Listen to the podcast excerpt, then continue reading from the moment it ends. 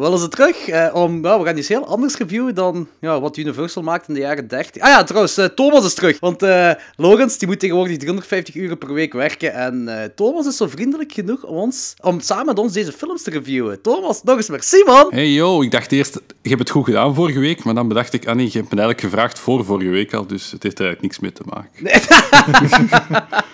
Dat is waar. Ah, Danny, nu, nu zit je wel voorbereid, hè? Nu kun je wel eens een introliedje zingen. Piep, klein konijntje, haal de buttplug in zijn kont. Hallo iedereen en welkom bij Klokslag 12!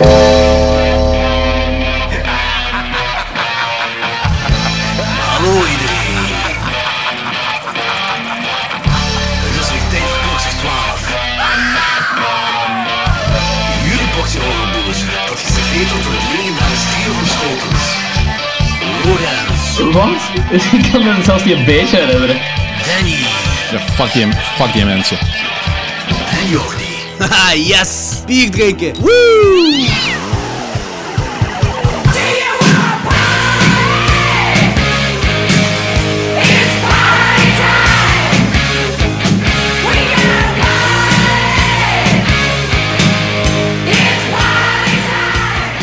Oké, we hebben een bunch of awesomeness in pet voor jullie vandaag. We gaan, eh, ik denk, ik heb een beetje het gevoel dat we een miljoen trekhaakfilms gaan bespreken. Ja, dat kan wel. Ik zal het nog wel hebben over mijn Oktober Challenge. En eh, we gaan de ja, waarschijnlijk meest controversiële film van het jaar bespreken, namelijk Mother. En een film dat we erbij gekozen hebben, À l'intérieur. Dat is de, eigenlijk de eerste film uit de Franse extremiteitsstroming dat we gaan bespreken. Zwat, in ieder geval, dat is allemaal voor straks. Eh, we gaan het eerst een beetje hebben over hetgeen waar wij allemaal op eind deze maand gaan zijn, namelijk het Reizen Real Film Festival. Oh. Oké, de persconferentie is gebeurd, alle films zijn bekend. Thomas, wat gaat jij met zaal 4 doen op het Reizen Real Film Festival? Eh, wij hebben de eer van zondag te mogen doen. En eh, heel vol programma. Eh, wij hebben gekozen om eigenlijk niet per se een film te gaan bespreken die daar gespeeld gaat worden. Omdat we er veel nog niet hebben gezien, buiten voor ja, de Goonies of zo, maar om die nog eens aan te halen. Dus we gaan eigenlijk een beetje binnen het horrorsegment een... Goh, ik wil eigenlijk niet te veel zeggen. We gaan wat spelletjes spelen. Zo gaan zalig. we gaan binnen het genre proberen wat spelletjes en wat entertainment te doen. Maar we gaan niet expliciet een film vandaag bespreken. Dus je moet niets gezien hebben. Je kan gewoon binnenwandelen en je gaat direct mee zijn. En we gaan binnen het thema, het thema de mensen een uur amuseren. Ah. En onszelf hopelijk ook. Zalig. Dat is cool. Ik heb, ik heb zo'n idee dat jullie er zo meer over na hebben gedacht dan wij. Ja, we zijn hebben maandag op café geweest. Ja, we hebben het er even over gehad. En we hebben het opgeschreven, want anders hadden we het niet meer geweten. Café, ik snap dat. Eh, wij, gaan, wij, gaan een film, wij gaan wel een film bespreken wat ze daar spelen. Dat is eh, Hounds of Love. Maar voor de rest... eh, ik, we gaan het gewoon een beetje over onszelf hebben. Wat onze favoriete horrorfilms zijn. Als men, i- iedereen, kom af en gooi wat thema's naar ons toe. Eh, je mag gerust vragen stellen. Figuurlijk, niet letterlijk. antwoorden. Ja, Thema's, ondergoed, BH's, gooi maar. ja wat heb ik dus allemaal die, eh, voor. Ehm, in ieder geval, eh het Reizen Real Film Festival, check op Facebook of, of die een website of wat dergelijke. Er zijn een heel hoop horrorfilms dat getoond worden. Eh, wij, wij zijn de vrijdag aan bod om 10 uur. Er speelt, er speelt zelfs een film genaamd Kut. Met een K. Ja, en een, ehm, een accentje op de U. Keut. Goed. Keut. Eh, ik heb wel gezien dat ze de zaterdag Psycho draaien en die nieuwe documentaire wat omtrent die douches Ja, zijn ja. van Psycho. 7 Ja, 8 dat is daar, een- ben- daar ben ik heel psyched voor. Ja, dat, dat is zo. Ik, wil, ik, wil, ehm, ik heb een heel raar gevoel bij eh nooit een film zal spelen. Attack of the Adult Babies. Die foto alleen al, hè? Ja, maar Oh, ik heb die trailer, dat is met die ik heb die trailer verpleegster. daar twee of drie... Ja, maar ik heb die trailer daar twee of drie keer van gezien. Dat is zo een van die... eh, ik, ik, dat is zo een van de weinige dingen waar ik me zo heel awkward bij voel, is zo die adult baby toestanden. Dat is... eh, ik vind dat is iets heel awkward. Zo. Alright, we hebben iets Dus- gevonden dat hem bijna choqueert. Ja, eh da, daarin stond. De, eh, Oh, dat mijn misschien- kak slecht misschien- en dat een je op relatief. Reizen Real Film Festival. Ik was fan van de trailer, ik heb hem u doorgestuurd, hè. Eh, Jordi van They Came From The Desert? Ah, It Came From The Desert. It Came From The... Met Ja. die nier? Daar ben ik ook psyched voor. Dat, dat is vrijdag, vrijdag nacht spelen ze die, hè? Ja. Ja, is zalig. wel- Maar ook voor de rest, eh, de Antwerp Killers spelen ze ook. Eh, Day of the Dead, Salem Slot, The Crazies van George Romero. Ja, de Goonies, zoals ik al zei. Eh, the Killing of a Sacred Deer. ja, we hebben die juist, we hebben die juist openstaan hier. Killing of a Sacred Deer. Het schijnt echt een van de meest disturbing films van het jaar te zijn. Dus. Het is een A24-film, hè. Ik ben psyched. Ik vind goed. ze hebben echt een heel cool programma gemaakt. Ze hebben een mix van klassiekers, oude dingen. Ook niet allemaal per se horror, want met de Goonies gaan ze daar weer wel een ander genre op. Maar echt een leuke combinatie. Ik denk dat Ja. voor iedereen wel wat wil. Ja, en dan eh Forgotten Scarespelers en Malperteuze, een van die films dat ze daarin ook in bespreken. De The Antwerp Killer. Een Vlaams film. Antwerp Killer, inderdaad. Spelen Salem Slot. Dat is wel Ja, eh, heel inderdaad. cool. Salem Slot. En eh, Kane Hodder to Hell and Back, een documentaire over Mr. Jason Voorhees himself. Ook heel psyched. Dus voilà, 26 tot en met 31 oktober eh, in Brugge, het Reizigerhiel Filmfestival. Het is de moeite, het is echt de moeite. Ja, mega psyched, echt serieus. Oké, laten we overgaan naar de trekkerronde, want we hebben veel te vertellen. Ik denk dat onze gast eerst mag. Thomas, vertel eens, wat heb je allemaal gezien? Eh, ja, ik heb me hier een klein beetje op voorbereid, want ik dacht, ja, oké, ik hoor elke week jullie. Eh, ik heb dan eens gekeken in mijn letterbox, wat ik allemaal deze week gezien heb. En ik heb acht films gezien, maar ik dacht, ik ga ze niet allemaal aanhalen. Dus ik heb er eigenlijk de drie meest relevante uitgehaald. En ik wil eerst beginnen met goed nieuws voor mijn vriend eh, Jordi. Ik heb maandag puur vrijwillig de Invisible Man gezien. Oh-oh. En? Ja, is goed, is goed. Echt? Zit je mee? Ja, ja, ja, ik ben echt... Yes! Het, het is openbaring, het genre. Ik, ben, er- ik zal niet stoppen nu. Ik vond het echt leuk om te zien. Echt een heel cool film. Zeker omdat jullie daar zo lyrisch over waren, dacht ik... Ja, nu dat ik de eerste vier gezien heb vorige week, moet ik nog wel de beste dan zien, of weet ik wat. En hij was leuk. was ook heel... eh, cool om hem zot te zien worden. Ah, ik, ja. ik, ik weet zijn naam nu niet exact niet meer. Dr. eh, Jeff, Dr. Jack Griffin. ja, dus heel cool dat hij begint te twisten. En opnieuw dat... Danny had vorige keer aangehaald bij de mummy, dat, zo dat, dat, die schreeuw dat hij gaf toen dat Ja. eh, Imhotep terug wakker werd. Ja, ja. Dat dat hier ook... Je maakte de link dan met dit, met dat wat crazy worden in een gevoel, dat dat niet te clichématig is. En dat vond ik inderdaad wel heel leuk. Ja, klopt. Heel vet. Hey, cool dat je mee zit, man. Ook die CGI, allee, die niet echt CGI is dat, maar ik vond het echt opmerkelijk hoe dat, dat gemaakt is. dan. Ja, 1933 is die Ja, film. Dat Jordi weet, Jordi, weet er, Jordi weet er fijner van. Dat is zo die, prik, die eh, Black precursor van de green screens. de- Black Velvet. eh, Ja, zo'n Black screen- Velvet, Black Green screen Velvet. toestanden. Heel cool. Mhm. Eh, dus die heb ik gezien. Dan heb ik ook eh, Gerald's Game gezien op Netflix. Oeh, die gaan we binnen twee weken bespreken. Ah, daar ga ik daar niet, niet veel over zeggen, of misschien zelfs niks. Jawel, jawel, jawel. Zeg, maar, wel, zeg maar gewoon wat je ervan vond. Eh, ik ken het verhaal niet. Ik, ik kende echt de eerste helft van de trailer, had ik gezien. Eh, ik vond een geweldig goede uitgangspositie en dan vond ik het heel eh, intrigerend om achteraf dan te gaan kijken hoe dat boek was. Want, ja, maar ik wil absoluut niet veel zeggen, want als je hem nog moet zien. Oké. Eh, het was op zich wel, wel leuk, maar het, het einde is zeker besprekenswaardig. Ik denk dat jullie, ermee gaan amuseren, want er is veel... Je kan er controverse rond maken, dat vind ik wel, vond ik wel leuk. Merk je dat het een Flanagan-film is? Eh, dat is die van Hush en van Oculus. En... Ah, wel, ik, vond, ik vond Hush heel goed, maar echt heel goed. En ik vond Hush wel veel beter. Ah, oké. Ook opnieuw, dat is, dat is echt high concept. Je hebt gewoon een idee, een doof meisje wordt aangevallen door een seriemoordenaar, punt. Hier, eh, eh, een vrouw komt vast liggen op een bed en kan niet meer weg, punt. En die uitgangspositie vind ik alle twee, wauw, oké, cool. Maar wat je daarmee doet, vond ik Hush leuker uitgewerkt dan dit. Hoewel dat deze origineler is, maar het was minder mijn ding. Oké, ik ben curieus. En dan ten derde eh, heb ik de Lady Gaga documentaire gezien, Five Foot Two, ook op Netflix. Ja, die staat op Netflix inderdaad. Ja. Eh, ook ook, ook eh, heel speciaal, heel speciaal. Ik ben vroeger wel stiekem fan geweest van Lady Gaga. Eh, Ja, dat is zo een van mijn guilty pleasures. Ik heb zo eh, de Fame Monster hier op zijn deel liggen. Ik vind dat geen guilty pleasure. Die Griet kan gewoon echt gewoon goed zingen. Dat Ja, en simpel. als, als die liedjes nu opnieuw hoort, dat was wel wat catchy. Ja. Veel hits dat hij heeft gemaakt. Want het gaat de opbouw van haar. Dus die heeft enorm veel chronische pijn, linkerzijde van haar lichaam. En je denkt, oké, wat een crybaby, en zit hier aan te janken. Maar ik geloof dat wel, want ze volgen die na anderhalf jaar de aanloop naar als ze op de Super Bowl optreedt. En ja, als je moet kijken, die zit dus constant met 100 camera's op haar gezicht. Die wordt bij de dokter, op het moment dat ze zo'n naald in haar rug aan het steken zijn voor die spier terug wakker te maken, zijn ze daar ook terwijl even aan het schminken, want ze moet daarna toch wel een fotoshoot gaan doen. En terwijl is ze ook via de pers nog via een telefoon een interview aan het geven. Gewoon constant die dingen daarop. En, allee, pff, niet dat dat de beste documentaire van het leven was, maar dat gaf ze wel eens eh, een blik erachter en ik vond het wel Ah, oké. goed gemaakt, goed gemaakt. Ik vind die heel cool, ik vind die heel cool dat hij heel veel videoclips heel veel latex heeft. ik ben er heel eerlijk in. Oké, ja, hey, eerlijk is eerlijk. Eh Danny, wat jij nu?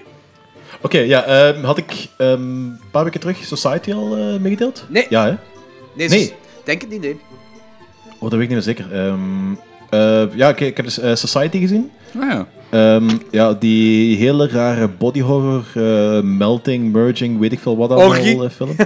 ja, eigenlijk, dat is wel een hele cool film. Dus, eh, ik had zo fragmenten van de eind al gezien. Ik heb nu zo, zo de tijd genomen om de hele film te zien. En eigenlijk, de film is gewoon een aanloop naar dat die laatste 20 minuten, de laatste half uur. Ja, maar die aanloop is wel nodig, hè? Ja, ja, dat snap ik, dat snap ik. Maar het is zo... ehm, ik had het ook heel graag gezien als ik gewoon het einde gezien heb. Dat is, dat is zo... Dat is zo gewoon hoe, dat visueel is, dat, dat is echt belachelijk cool. En je hebt eigenlijk niet echt een back, background story nodig om dat visueel te appreciëren. Ik vind dat heel cool. Dus, maar een, verhaal is altijd toffer dan gewoon losse fragmenten die je hebt neergeslaan. Dus oh, oké, heel, heel cool film. Fijn. Ja, ja, zeker. Eh, dan heb ik ook ehm, een of andere wazige, eh, ik denk Japans, maar ik ben niet 100% zeker. Eh, Strange Circus, ik weet bij god niet wat de Japanse naam daarvan is. Van een of andere, ehm een of andere meisje. Jordi specialiseert in Japanse namen. Ja, Hè, dus. ehm, Ja. Strong- Ik ben er beter, ik ben er beter in dan, dan eh, Jordi over het algemeen. Maar... Strange Circus. Dat was de exacte titel trouwens. Ja, absoluut. Ehm, ja, een beetje typische, rare Japanse film. Het is niet, niet echt super veel horror. Zo grappig dat in de laatste Japanse film dat wij besproken hebben, zeg je letterlijk, ja, die Japanse cinema, ik weet toch niet of dat zo mijn ding is. En nu trek ik handen en zeg je, ja, ik heb een Japanse horrorfilm gezien. Ja, kijk, daar zitten, daar zitten coole dingen bij. Maar het probleem is, je moet zo de coole dingen eruit halen. En Je moet de coole dingen er... Ah, Dat is- oké, ja, nee, ik snap het. ja. dat is het heel, zit- ik, ik vind dat er echt heel veel crap tussen zit en hier en daar een pareltje. Maar die pareltjes vind ik zo de moeite waard om zo door die crap heen te kijken. Oké, Maar het is echt, het is echt zo een, ehm, ik denk zo 25 tegen 1 ratio of zo. Er zit echt wel heel veel crap in. Ja, ik heb Maar- zoveel Japanse horrorfilms ook niet gezien, denk ik. ik heb er wel een aantal heb- gezien, maar ik denk niet dat ik aan 25 kan komen. Ja, ik heb er redelijk wat Aziatische films gezien. Dus, uh, Aziatische Ah, ah, ah oké, dat je effectief alleen over Japans had. Want er is eigenlijk een heel groot verschil tussen Japanse horror en Koreaanse horror, hè. Ja, dat weet, dat weet ik. Koreaanse horror is veel fel. Koreaanse horror vind ik ook beter. Ja, ik, ik denk dat ik ook wel meer neig dan naar Zuid-Koreaanse horror. Want, eh, want Japanse horror, die gaan heel... Die, dat is, is dat, ik denk dat spirituele denk heel belangrijk. En zo Ja. het, naleven en geesten en dat soort toestanden. Dat is heel zoals de eh, pre- prevalent. De Wailing heb ik nog altijd niet gezien. Oh, man, Eh, ik- dat is ik, een, ik, heb hem eh, klaar, ik heb hem klaar liggen, ik moet hem nog altijd kijken. Dus- ik, ik raak er gewoon niet aan, omdat zoveel films tegenwoordig, dat ik tegenwoordig aan het kijken ben, ook voor de podcast en dergelijke. Dus, eh, Ja, snap ik. Ehm, maar ja, dus dat, dat naleven en die geestenwereld is daar heel prevalent. En ehm, in Noord-Korea gaan ze al vaak... Of Noord-Korea, fuck. Eh, Korea, dus waarschijnlijk Zuid-Korea, gaan ze al vaker terugvallen op, eh, op ofwel gore, ofwel monsters, ofwel zombies, ofwel gewoon fucked up voodoo shit. En gelijk in eh, Art, of, Art of the Devil, ik weet niet of je nu al gezien hebt. Nee. Oh ja. Ja, ook gewoon, ook, gewoon, ook gewoon door de tijdsgebrek, omdat ik ja, veel films Ja, ik weet het, ik weet het. Maar ik denk de tweede Art of, zeker de tweede Art of the Devil gaat die, gaat die zeker appreciëren. Gaat echt wel... Anders gaan we Ik denk gewoon nog dingen, een, ga eh, een retrospective doen over heel die franchise, hè. Dan moet ik ze sowieso Oké. Eh, in ieder geval, ehm, dus dat was mediocre. Ik vond dat niet super goed. vervolgens, ehm, dankzij 21st Century Fox en onze vriend eh, Bart Roffings, hebben we kaartjes gekregen voor Annabelle Creation. Yes! En ja, dat, dat is de film wat de eerste Annabelle had moeten zijn. Ik was, I echt, dus ik was echt... Ik ga niet zeggen dat het de best film ooit was, maar ik was, was er toch wel lichtjes door weggeblazen. Ik vond het echt wel een hele coole film. Ik vond het een hele coole atmosfeer. En ik had niet verwacht dat ik dat ging zeggen. En eigenlijk is dat in het hele Conjuring-universum... Ik denk dat dit mijn favoriete film is. Oh, nee, dat niet. Dat Ja, niet. voor mij wel. Ik, ik ben sowieso... eh, The Conjuring, Conjuring 2, ik vond dat, cool, vond dat cool. Ja? Maar niet beste ooit. Eigenlijk heel veel mensen hebben daar een andere mening over. Ik vond dat niet. En, en die Annabelle, vond ik zo, laat maar. En Annabelle Creation, ik was, ik ben, was volledig mee. Die setting, die atmosfeer. Ja, weet je wat? alles wat- gewoon. Bij Annabelle Creation, je zag heel fel dat hij geleerd heeft van James Wan. Dat is echt, dit is een James Wan film dat hem gemaakt heeft. En dat makes sense, want het is, het, is, eh, het is de regisseur van Lights Out. En Lights Out, ja, James Wan heeft die een kortfilm gezien van Lights Out. Dat heeft dan eh, de langspeelfilm geproduceerd. Die is ook trouwens veel beter dan Lights Out. En, eh, Ja, Lights, Lights Out had niet meer dan een kortfilm moeten zijn. Nou ja, natuurlijk. Lights Out heeft ook een heel coole intro. Maar in Annabelle Creation heeft hem die intro opnieuw aangepakt, maar veel beter gedaan. met, met die lichten die daar aan en uit gaan in die schuur. Inderdaad, ja. Dat is eh graaf gedaan. Ik vond Annabelle Creation trouwens ook heel goed. Eh, ik vond, ik vond, Annabelle vond ik echt gewoon een kutfilm. Dat was echt Ja, cashing in, dat was cashing in op het eh, Conjuring-universum en op de pop zelf. Maar Annabelle Creation is... Ah, wel, gelijk we toen in de Mr. Watson-episode hebben gezegd van... Kijk, Ouija was een kutfilm. Flanagan doet Ouija Origins. En dat is eh, een veel betere film. Niet de beste film wat eh, eh, Flanagan ooit gemaakt heeft. Want ja, dat is Hush. Maar wel een betere film en iets wat je niet verwacht van een Ouija-film. Het steekt goed in elkaar. En dat gevoel had ik bij Annabelle Creation ook. Ik vond hem, Annabelle Creation vond ik niet eng, dan nu niet. Ik vond die nergens eng. Maar die stak wel super goed ineen. En je merkte, je merkte echt dat die geleerd heeft van James Wan. Dan merk je echt dat dat, dat een- een James Wan film een een, misschien een iets eerdere film van James Wan kunnen zijn. Nog pre-Insidious Mhm. of zo. Tussen Dead Silence en Insidious in of zo. Die, is- die- ik was ook amazed. Het was echt heel cool. Ja, absoluut. Ja, gelijk dat je zegt van, eh, niet eng. maar ik vond het wel... Ik vond dat er zo heel veel hele goede sfeermomenten in zaten. En dat, Ja, dat dat is wel. echt hetgene, hetgene wat ik fijn vond in die film. En ik ben eigenlijk nu wel terug een beetje optimistisch naar die film van, van de Non wat ze ook gaan maken. Ah, ik, ben heel optimi- ik ben heel optimistisch dat ze daar een heel multiversum van maken. Daar ben ik heel psyched voor. De Conjuring eh 3 gaat er komen, de Nun gaat er komen. eh Dingsken ook, hè? The Crooked Man. Ah, oké. The Ja, Crooked ja, ja. Man. Dus, en Dat, die vond ik ga- wel heel cool. dat vond ik wel heel sterk. Uh, The Crooked Man? Volgens mij gaan die zelfs cool. al die drie films volgend jaar uitkomen. Conjuring 3, Amai. eh The Nun en... Want er is nu ook in Annabelle Creation is er ook een stukje van de Non, hè? Ja, die staat er in zo'n een of andere foto, komt die, Ja, komt die tevoorschijn. dat is ook graaf gedaan. Heeft dat universum een naam eigenlijk? Conjuring, Conjuring Universe. Niet, niet officieel. of Nee, zo. nee, nee, geen officiële naam. Nee, nee, helemaal niet. Ik denk, die- ik denk eens dat dat is, dat zo... Ik denk dat ze dat niet echt een naam geven, maar dat dat zo uiteindelijk zelf groeit. Ja, ja, ja. En ik vragen, vinden jullie het leuk van, leuker dan, om horrorfilms in de cinema te zien? Eh, ik heb er pas over zitten nadenken, want jij hebt dat ook eh, in de aflevering dat wij bij u op bezoek waren, heb je dat ook gevraagd. En uiteindelijk geldt het wel voor elke film hetzelfde. De cinema is beter, maar dan moet je goed publiek in de zaal hebben. Ja, ehm, daar heb ik dadelijk nog een verhaal over. Ja, ik heb ook bij, bij Mother, heb ik nu, bij Animal Creation was het schandalig, waren er mensen eh, foto's aan, trekken tijdens de film met flits op. Jesus Wow. Christ. Ik was me aan het op, ja, toen wou ik echt ehm, letterface uithangen. Ik ben nu, want eh, mijn vriendin die is nu eh Desperate Housewives aan het marathonnen en dan kijk ik ja, op mijn laptop gewoon horrorfilms met oortjes in. En fuck man, dat is een heel andere ervaring. Want je bent feitelijk alleen en als je je oogstopjes in hebt, eigenlijk tien keer zo fel dan als je op je gewone tv kijkt. Dat is waar. Ik vind vooral... Ik denk dat Loris dat vorige keer zei toen dat jullie bij ons inderdaad te gast waren. Of, wat ik vroeg toen wat de meest creepy horrorfilm dat jullie ooit gezien hadden. Of wat dat echt de, de, de griezeligste of zoiets was. En dat, ik denk dat Loris toen The Strangers zei. Nee, ik zei Omdat hij... Of jij zei dat? Omdat je die home invasion zo Ja. hard vond. Omdat je dat zo kunt inbeelden. Dat je bij zo Ja. denkt van... Oké, zombies en Dracula, weet ik al wat. Dat is niet echt. Maar een home invasion film, als je die dan afzet en je bent voor het echt alleen thuis en je gaat nog je trap op en je tanden poetsen, dat je echt het gevoel hebt van fuck, stel je voor dat die direct binnenkomen. Ja, En, en dat, de- cinema neemt dat dan wel even weg. dat is waar. Ja, Tenzij dat je natuurlijk alleen naar huis wandelt van de cinema, kan je natuurlijk weer zo'n gevoel hebben. Nee, nee, maar inderdaad, maar in de dus cinema-omgeving is het zo iets veiliger, omdat je zoveel mensen rond je hebt. Ja, Allee, klopt. En eh, ik heb dat nu ook gemerkt, nu dat ik, eh, ja, omdat ik nu pas sinds een maand samenwoon met mijn vriendin, heb ik dat gemerkt dat ik zo vaak zo op mijn eigen, op mijn laptop, met oortjes in horrorfilms kijk. En dat is veel pakkender. Veel pakkender. Ja, ik, ik, ben, ik ben fan van verschillende dingen. Dus eh, ik, vind, ik vind dat heel fijn om in de bioscoop te gaan kijken. Ook omdat, ehm, omdat je gedwongen bent om je gsm in je zak te laten. Dat vind ik, vind ik een heel goed iets. Agree. Ja, Want ik ben, ik ben heel snel geneigd vanaf, vanaf het moment dat een film een beetje kwijtraakt. Of niet 100% eh boeit dat ik zo eh, naar mijn gsm grijp. Ik Ja. vind dat een heel vervelende eigenschap. Maar ik doe het wel. Dus, Ja, dat is inderdaad iets wat je zou moeten, Ja. moeten afleren. Je doet wat je wilt, Ja, natuurlijk. maar ik, ik, ik, ik, weet, ik weet goed genoeg, ik ga, ik ga het niet afleren. Dus hoe, hoe graag dat ook zou willen. Ja, dat, is, Maar- dat is een beetje jammer. Is, eh, ik, ik, doe, ik doe het alleen bij van die old classics, wat ik al twintig keer gezien heb. Gelijk over laatste Tingler gezien van Vincent Price. Zat ik ook zo William Castle te filmen op mijn gsm. Het is gewoon, ik ken die film van binnen en van buiten. Dan maakt het mij niet meer zoveel uit. Ja, dan is dat minder erg. Ja. Ik heb dat ook soms als ik thuis aan het werken ben op mijn computer, dat ik soms een film opzet dat ik inderdaad al vier keer gezien heb. Gewoon Oh ja, zeker. Ik heb voor al... de, de company, zo gezegd. Maar Ja. bij een film die je de eerste keer ziet, is dat jammer, omdat je die dan gaat beoordelen. Je hebt misschien net iets gemist. En wanneer ga je dan echt terugspoelen om dat te zien? Dat doe ik dan niet. Ja, ja, Dus zeker. wel- Maar, eh, hoe vaak dat ik Evil Dead al heb opgezet tijdens het stofzuigen gewoon. Zo. Allee. maar is goed, om verder te gaan. Danny, wat heb je nog gezien? Ja, ehm, ik heb Colossal gezien. Ik weet niet of dat... Ja, dat, dat is niet echt een horrorfilm, het is wel zo'n monsterfilm, dus eh, dat was leuk en dat was het. Heel, heel vergeetbaar. En, Dat is een nieuwe maar- film, hè? Ja, inderdaad, dus met eh, Anne Hathaway die dan zo uh, schijnt... Dat is een of andere monster dat zo verschijnt ergens in... eh, ofwel Japan ofwel ook Zuid-Korea, ik geloof niet een van de twee. En die zijn zo gelinkt om een of andere reden. Een heel vergeetbaar film in mijn ogen. Ja, was ook niet zoiets eh, meer comedy-achtig, dacht ik. Ja, inderdaad, inderdaad.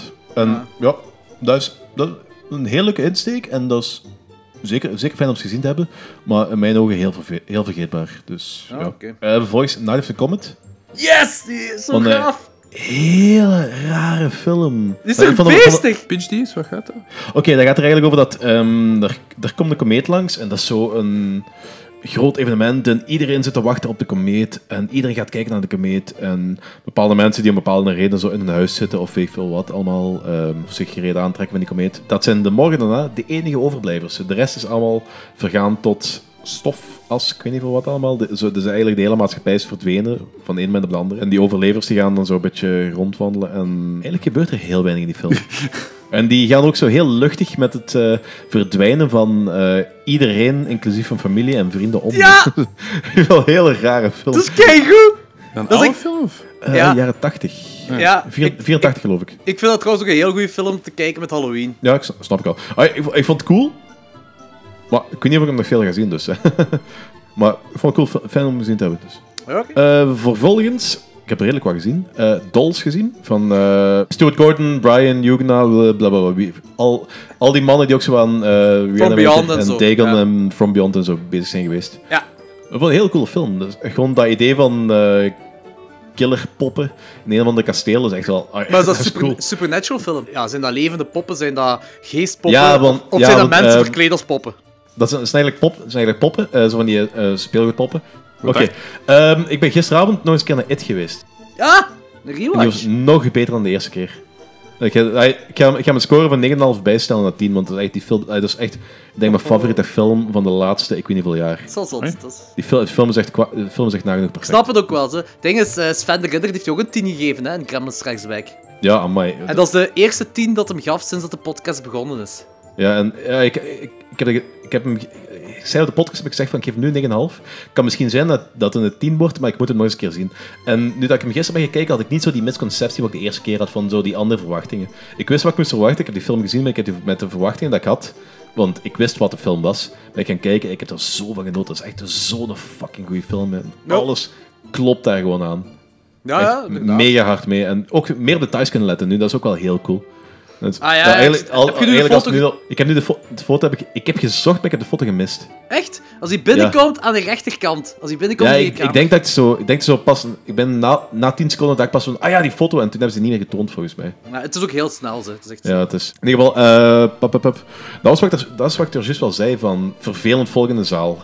Ja. We komen daar binnen en ik ga het woord Hollander nu gewoon op een heel lullige manier gebruiken, want ik zelf een halve Nederlander, dus dat betekent op zich voor mij niks. Maar eh daar zat er vol met Hollanders. Nee, letterlijk, eh, denk twee, twee of drie bussen van eh, Nederlandse scholieren die ik een of andere uitstap naar Antwerpen haalden en die waren naar daar gekomen en die waren er lawaai aan het maken, lawaai aan het maken, lawaai aan het maken. Die film begint, die blijven lawaai maken, die blijven lawaai maken. De film is drie, vier, vijf minuten bezig, die blijven lawaai maken. Zo die scène met heeft allemaal, die blijven lawaai maken. Ik was me zo mijn kassen opvreten dat ik op een gegeven moment me gewoon pure colère heb omgedraaid. En door die hele zaal heb kun je nu fucking bakken zouden? En het was van... Het is effectief een half uur stil geweest. Dat is goed. Ja, dus eh, ja, naderhand, ehm ja, effectief 100 Nederlandse scholieren of zoiets. Ik heb dan ehm, vanmorgen dan een mailtje naar UGC gestuurd, want ik was ook echt wel heel erg lastig door. Nou, dat snap ik. Ja, ja ik, ik, betaal, ik, betaal, ik betaal een hoop fucking geld en dan... eh er is een constant zo voor de security card en iemand van UGC zelf en dergelijke. En ehm, ja, je verwacht dat die er iets aan doen, maar die hebben een beetje gekeken en er wordt eigenlijk niks aan gedaan. En vanmorgen dan een beetje met de directeur, eh Michael...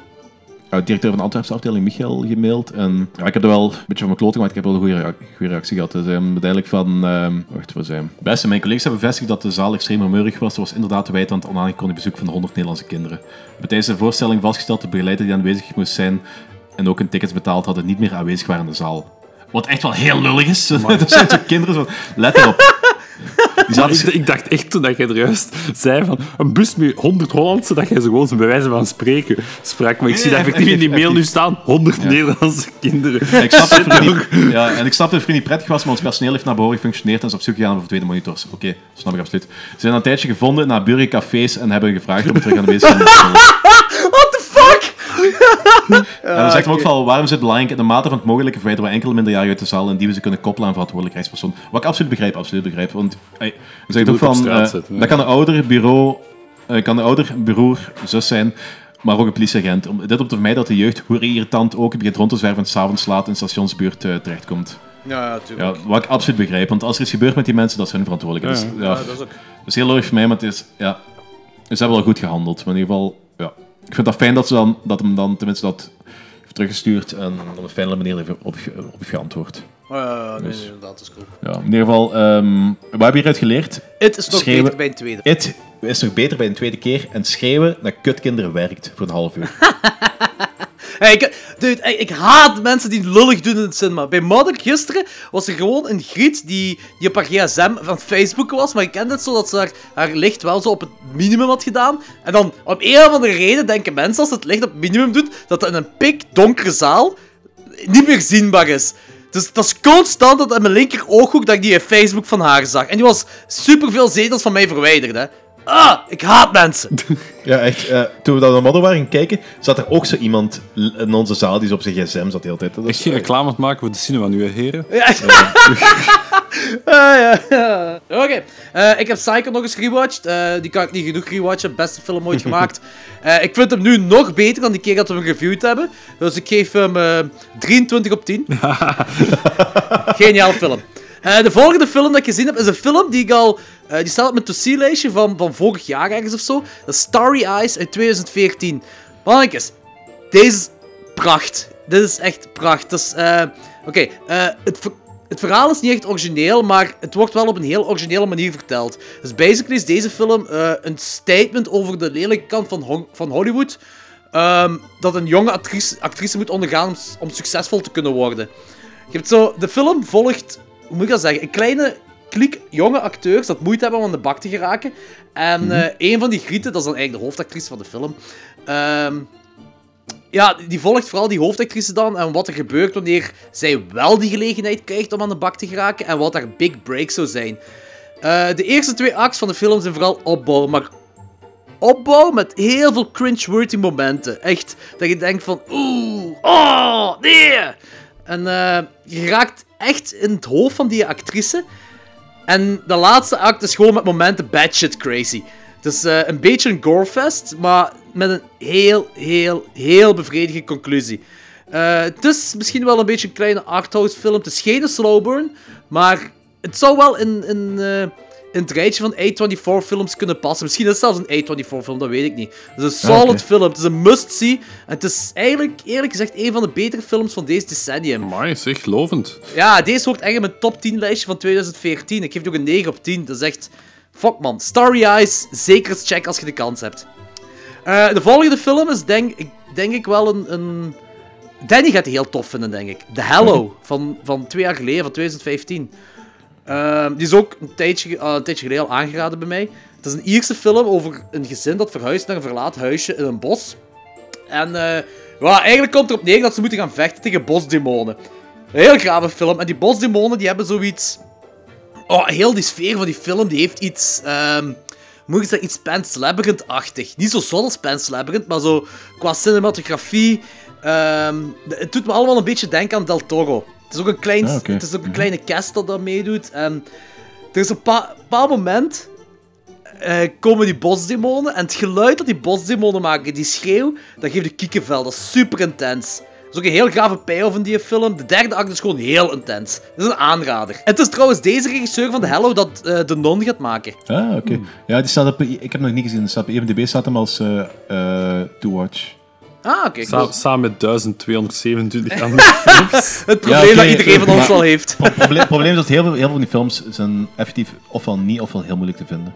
De Hello. Ja, The Hello. Want dat, dat is, wat- eh, gelijk dat je zei, van, ik denk, dat- ik denk dat we heel cool gaan vinden, want dat is in ieder geval zo'n concept. Zo bossen en demonen en weet je wat allemaal, dat is, dat is echt wel my cup of tea. Ja, het is ook het is een heel kleine cast, dus je zit zo de hele tijd gefixeerd op die paar personen. Die personages zijn super goed uitgewerkt, dus daar, daar is echt op gefocust, op die personages. En dan heb je die eh, bosdemonen erbij. Wat... Ik, zei, ik had echt zo een Del Toro-vibe erbij. Oké, de volgende film dat ik gezien heb, dat is een film van deze jaar, genaamd Camera Obscura.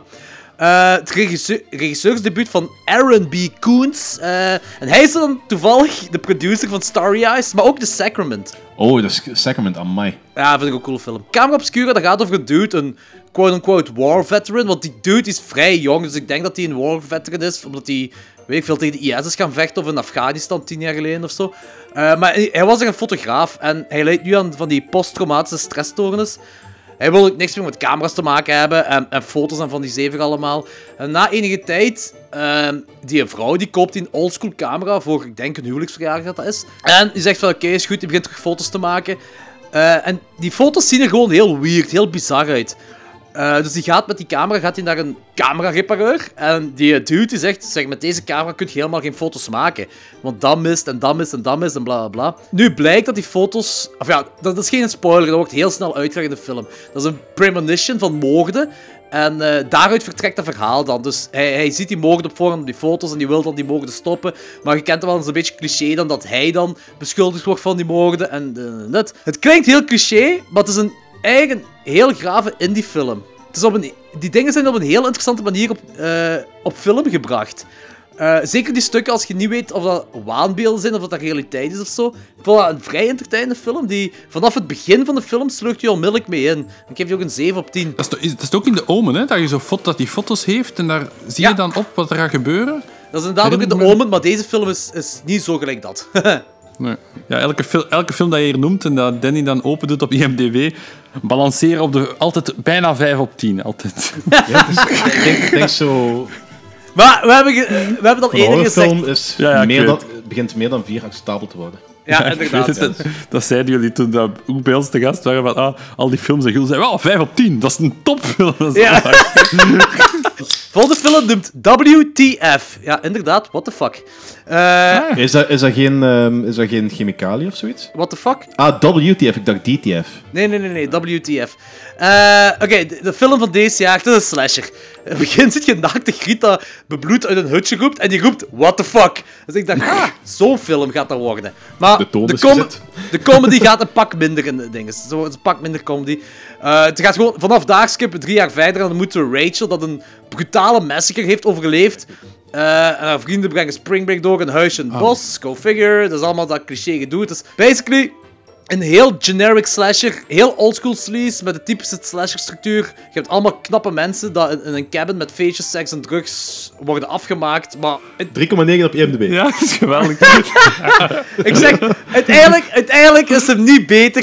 Het is hem, wel, ja, hij is een beetje beter dan de, gem- de gemiddelde slasher. Zo. Dus, als je into slashers bent en je hebt een heel hoop shitty 80 slashers gezien, dan gaat je deze wel leuk vinden.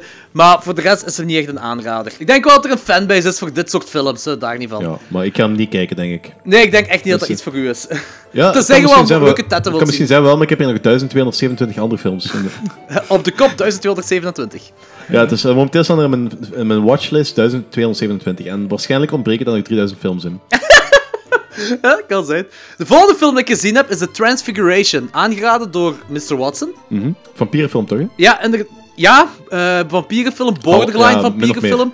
Ehm, dus het gaat over Milo, een tiener dat gefascineerd is door de vampierenmythe. Dus, en hij ontmoet Sophie, dat zowat dezelfde fas- fascinatie heeft. Eh, die twee vormen een band, dat is heel coming-to-age-achtig. Eh, Maar de grenzen van Milo's fantasie beginnen te blurren met de realiteit, zowat. En, wel, Watson heeft ook al gezegd, zonder te spoilen, een paar afleveringen eh, geleden, dat... Het heeft wel weg van de Let the Right One in, maar niet zo arthouse. Ah, oké. Het is- Het is ook wel een coole scène dat ze, dat ze Nosferatu gaan kijken. En dan, na die film komen ze uit en Milo zegt... Wow, ik vond de Let, right, Let Right One in toch wel een betere film. ja, het is, het is eigenlijk een, het is een heel atypische vampierenfilm. Iets wat je niet echt verwacht. Het speelt zich af in de hoed. Het is vrij dramatisch. En eh, het laat ook zien dat niemand echt 100% de slechterik is of 100% de held van het verhaal. En dat vind ik leuk. Want echte leven is ook niemand 100% echt slecht of 100% echt goed.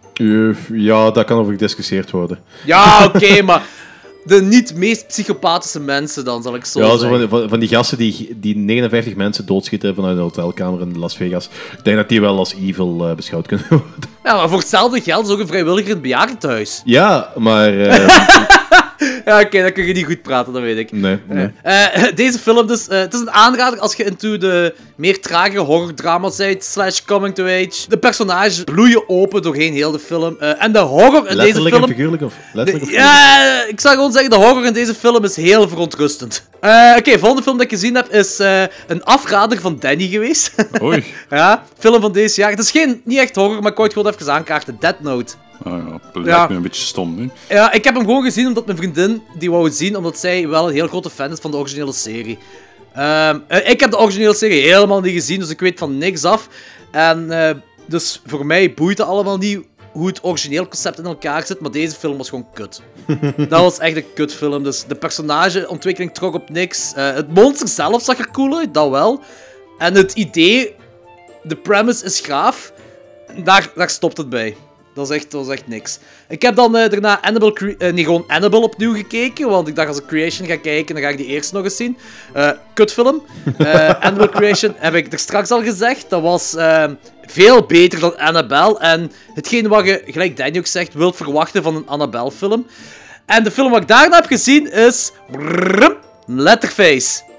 Die film die is dus nu in september released op VOD. En dan krijgt hij, ik denk eind oktober... Nee, in oktober krijgt hij dan een, een cinema release. Waarom hebben ze dat gedaan? Oh, omdat Hollywood heel graag in elkaar steekt tegenwoordig. Cult of Chucky die krijgt nu in oktober eh, een DVD-release, een release op Netflix en een cinema-release tegelijkertijd. ja, dat is Interessant.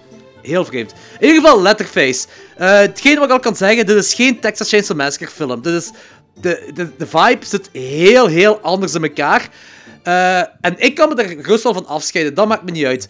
Maar de personages wat erin zijn, zijn afgrijzelijk. De, de ontwikkeling, het einde wat je hebt, klopt helemaal niet met de, eh, hetgeen wat je denkt dat Letterface is in de rest van de films. Eh, Letterface is de tweede slechtste film in de Texas Chainsaw Massacre franchise. De slechtste is Next Generation. Ja, slechts Next Generation voor mij. Ja, die film Matthew McConaughey, dus dat is wel goed. Dus. Texas 3D vind ik net iets beter dan deze film, net iets meer entertainender.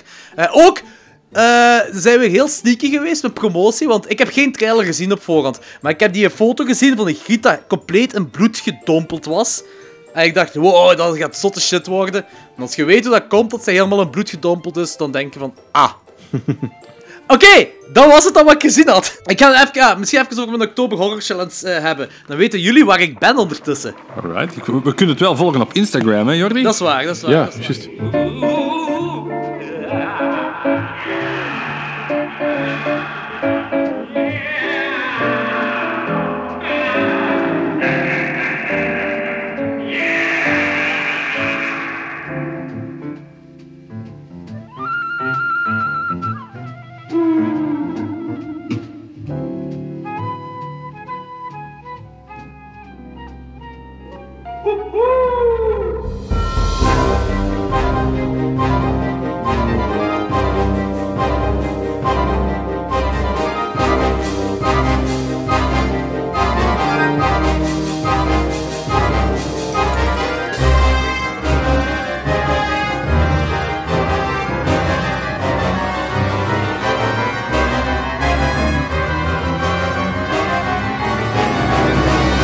Oké, we beginnen met The Tingler uit 1959. Eh, een William Castle film met Vincent Price in de hoofdrol. Zwart-wit ver- eh, gefilmd, behalve het bloed. Het bloed is een kleur. Eh, het gaat erover, Vincent Price is een wetenschapper dat een, een parasiet ontdekt bij de mens. als de mens het gevoel van angst over zich heen krijgt. En die parasiet noemt dan de Tingler. Eh, op Halloween-schaal krijgt deze vrij veel punten. Dat is een 8 op 10 waard. Een must-see op Halloween. Goed begin. De volgende film is House of Usher uit 1960. Een Roger Corman film met wederom Vincent Price in de hoofdrol. En opnieuw een Edgar Allan Poe verfilming. Ja, het is een quote-unquote haunted house film. Meer ga ik ook niet vertellen. Ehm, de films... Ja, nee, ik- meer ga ik niet vertellen erover. Eh, op, op Halloween-schaal een 7,5. Oké. De volgende film dat ik gezien heb is Idle Hands uit 1999, eh, late 90s. Ehm, het speelt zich af op Halloween zelf. Eh, er, er gebeuren van alle spooky, griezelige dingen, waar ik niet te fel op detail op kan intreden. Het, is, het heeft iets meer komische factors met een ja, paar bekende acteurs. En zelfs Seth Green erin meedoet. Ja, die speelt erin mee, dat weet ik wel. Ja, het is, het is funny. Het is een, een, ja, een tiener Halloween, quote-unquote horrorfilm. Het is een leuke film met Halloween te kijken. Ook weer een 7 op 10. Het volgende wat ik gezien heb is de allereerste Simpsons Treehouse of Horror. Ja, de bekendste daaruit is The Raven, waar Bart Simpson de raaf. Eh, ik hou van die Treehouse of Horrors en deze is een klassieker, een heel grote klassieker. Eh, zeker een 9,5 op de Halloween-schaal. De volgende is een wat ik nog nooit gezien had. Allee, waarschijnlijk als klein manneke, maar ik herinner me gewoon niet meer. Dat is eh, de Halloween special van de Mighty Morphin Power Rangers. Wauw. Ja, Dus, ja, ja. Z Monster Mash. we did the mesh. We did the monster mesh. En is die effectief uitgezonden toen? Hij is, As uit, part of the show. hij is uitgezonden op 28 oktober 1994 als part of the show, ja, ja. Cool. Eh, ja, is, er, er missen hele hoop Power Rangers. Ik denk de enige die erin voorkomen zijn eh, Kimberly, eh, dan die blauwe en dan Tommy. En de rest komt er alleen voor in een pak zelf. Dus ik denk dat er iets mis is gaan met de productie. dat is echt wel super grappig. Maar het komt erop neer dat Tommy in een soort van wereld terechtkomt waar die moet vechten tegen Z-monsters. En dat zijn zo een gigantische Halloween-plant, een, een grafsteen en... Ja, het is grappig, het is grappig om te zien. Eh, er is nog een film dat ik gezien heb, dat is Scarehouse nee, eh, nee, 2014, denk ik dat die is. Het is een sorority Halloween film, speelt zich ook weer af op Halloween. Het zijn bende grieten, dat zo, ja, vergelijkbaar met hier studentenverenigingen. Dat zo, de, ik, ik weet niet juist hoe studentenverenigingen werken, maar je hebt zo voorzitters en leiders en dan heb je de ja, slaafjes of zo. Ik heb nooit een studentenvereniging gezeten, omdat ik het kut vind. Maar in ieder geval, zij, moet ik dat zeggen, martelen de beginnelingen, zal ik maar zeggen. Maar zij komen ook uit het gevang. Eh, heel kort gezegd, heel veel tetten. Er komen heel veel tetten in die film. Toen mij een beetje denken aan, aan graven, wat dat je zei. Die- En rauw, rauw bedoelt je, hè? ja, ja, Ja, ja, graven. Eh, de- deze film trekt helemaal niet op die film.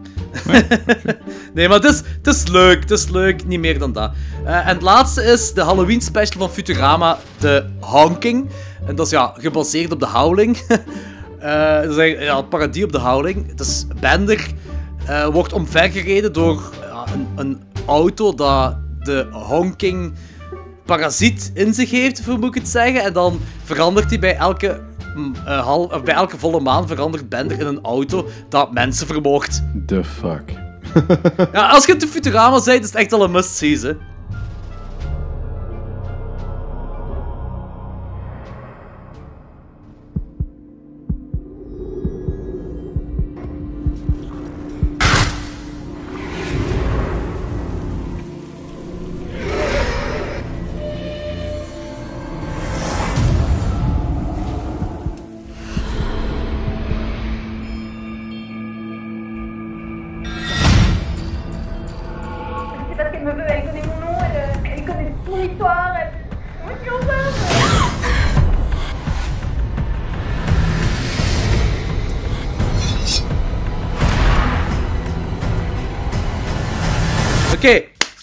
onze eerste feature review van de avond.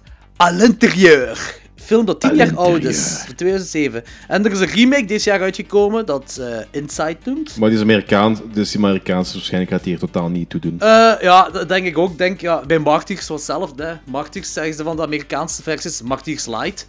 Ik denk dat deze dat ook wel zijn. Maar langs de andere kant, ik heb ook al een paar problemen met deze film. Dus ik hoop dat, eh, dat de Amerikaanse remake die problemen heeft opgelost. Ik ben heel benieuwd wat, wat uw problemen met deze film zijn. Oh, ik denk wel de meest obvious ones. Maar dat- Is die Amerikaans al uit? Ik, ik wist dat niet. Ik weet niet of hem al uit is. Ik heb hem nog niet gezien in ieder geval. Ik weet niet of hem al uit is, maar ik denk dat hem sowieso gepland is voor deze jaar. Eh, de tagline. Don't let her inside. Oeh, dubbele betekenis.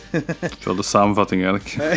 ja, eh, ja, geregisseerd door Alexander Bustillo en Julien Maury. Dus dat is die van Letter, de twee van Letterface. En ze hebben ook een segmentje in ABC's of Dead 2. Aha. Eh, cast, eh, ja, pff, een bunch of Franse acteurs dat in films hebben meegespeeld dat toch niemand kent. Eh, synopsis. Four months after the death of her husband, a woman on the brink of motherhood is tormented in her home by a str- Dat is een spoiler. Ja, dat, dat, sta- dat staat, hier, dat staat hier op IMDb. Dus, eh Kut IMDb, Wacht. jong. Echt. Eigenlijk al vanaf Wacht, eigenlijk wacht. al een strange spoiler. En dan nog eens... Who wants? Dat is eigenlijk dan nog eens de spoiler. Four months after the death of her husband, a woman on the brink of motherhood is tormented in her home by a stranger. Oké, dat is goed. beter. Echt, joh, kut IMDb. Fucking hell. Oké, eh, dit is dus het indie-film met een vrij kleine cast dat zich voornamelijk op één, één plaats afspeelt met een twist-einde. En de film is heel bloederig en heel brutaal. En basically heb ik nu gezegd wat elke Franse extremiteit-film is. Dat is wel waar. Ja, er zijn, meestal zijn ze zo. Maar dat wil niks slechts zeggen. Dat wil ik echt niks slechts mee zeggen, want deze, deze shit is gewoon mega graaf. En ik wou eigenlijk oorspronkelijk een aflevering maken rondom die specifieke stroming midden jaren 2000. En pak dat we daar dan vier films van zouden spreken, wat waarschijnlijk nog in de toekomst gaat gebeuren. Eh, maar we hebben nu gekozen om deze hier te doen. Ja, er zijn nog genoeg films in die French Extreme waar we kunnen bespreken. Ja, dus, eh, zeker. En ik Wat we ook gaan bespreken. Ja, zeg maar ik zeker, echt- ben echt-. Ik ben echt heel psyched over. Ja, zeker. Oké, dus eh, deze film we beginnen met een foetus en een baarmoeder. Ook een van de weinige keren dat ik helemaal geen probleem heb met CGI. En die baby die krijgt een toek op zijn kop met wat bloed erbij. En dan denk je, oké. En dan kunnen we verder aan auto-ongeluk. En dan heb je zo van, ah, oké, ik snap, nu snap ik hem, ja, oké. En eh, dus, dus de zwangere Griet leeft nog. De dude ernaast, wat, wat ik denk, ah, wat we vanuit moeten gaan dat de vader is van de kleine, is dood. En dan heb je een ruitwisser dat als wat awkward en kapotte ruit zit te wissen. Eh, eigenlijk is deze gewoon een hele mooie sequentie van de aftermath van de auto-ongeluk. Ik vond echt dat dat super mooi in beeld gebracht is. Absoluut. Maar dat zijn, dat zijn die Franse films wel heel sterk in. Die extreme films zijn er heel sterk in dingen in beeld brengen. Ja, en die zijn op een heel vreemde manier super mooi. Ja, inderdaad. Ik vind dat ook iets omdat bij horrorfilms heb je vaak, en ik denk dan zeker in dit, als je dan kijkt wat het budget van die film is, je hebt weinig middelen. Dus je moet slim omspringen met de middelen die je hebt. En voor het, die openingsscène, op het moment dat dan die car is gebeurd, dus die is al gebeurd, je moet hem niet in beeld brengen. Dat goedkope optie. Je, je, het is een heel statisch beeld, waarbij je gewoon de camera laat werken. Goedkope optie, maar wel heel. En dat komt hier eigenlijk heel goed te goede. Ik denk als je nu Het werkt. eh, Ridley, Ridley Scott die scène liet doen, die zou die wel laten crashen en die zou dat wel dit.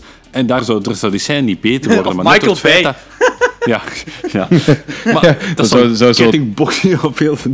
Maar de- de- dat- die scène wordt sterk omdat ze beperkte middelen hebben. En dat zorgt vaak dat je inventiever en creatiever moet zijn. Misschien origineel was dat wel met de botsing, maar hebben ze gewoon gezegd, we hebben er geen geld voor, we moeten het anders oplossen.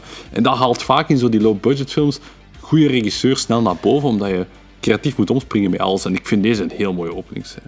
Amai, zeker. Ehm, ik vind trouwens wel dat ze in heel die film een beetje te veel terugkutten naar de baby en de baarmoeder. Dan gebeurt er Ik zo was van- daar minder fan van dan jij, moet ik toegeven. Ook in de opening. Ik weet niet, Ah, in de, dat- opening, vond, in de opening vond ik het niet erg, maar in de rest van de film vond ik wel zo van... Ah, dat, dat haalde mij zo wat uit die film zo. Ja, Om de hele tijd terug te gaan naar die CGI-baby. Ik had zo... omdat het fake is, hè. Omdat, het kun niet anders, hè. Maar het is gewoon, ja... Het deed me te veel denken aan Luke, Lucas Stalking. Oké, daarna, daarna zijn we vier maanden verder. En het is kerstavond en eh, die Griet is nog altijd zwanger. En het ziekenhuis begint er dan een weird-ass verpleegster met haar te praten. En, eh, Oké, Thomas, dit is, is dit de eerste keer dat, dit- dat je deze film gezien hebt? Ja. Ja. Eh, dacht je dat er meer aan de hand zou zijn met die verpleegster? Want ik heb het gevoel dat ze die erin hebben gestoken als red herring. Nee, eigenlijk niet per se, nee. Nee, dus Ik weet Je dacht gewoon, dit is een random creepy personage dat ze erin staken. Eh, ja. Want dat is het ook, dat is het ook uiteindelijk. Ik dacht echt de eerste keer dat, dat die verpleegster terug zou komen in het verhaal, dat, er met haar, ah, dat zij iets zou linken aan, aan die griet. Omdat dat, dat zo'n rare scène op het begin, vind ik. Ja, ik vind gewoon elke verpleegster die rookt in een ziekenhuis vind ik al eh psychopathisch. Eh, we zitten in Frankrijk, hè. Nee, ik moest, ik moest nog, eh, het, het genre nog wel aanvoelen. Ik ben, ah, die French Extreme films, voor mij was dit de allereerste dat ik daar ooit van zag. Dus voor mij was dat zo'n beetje aanvoelen van hoe, hoe werkt dit juist. En in het begin, die car crash vond ik heel cool, maar dan... Ja, ik wist dat Home Invasion was, dus ik was ja, daar van het wachten is veel gezegd, maar...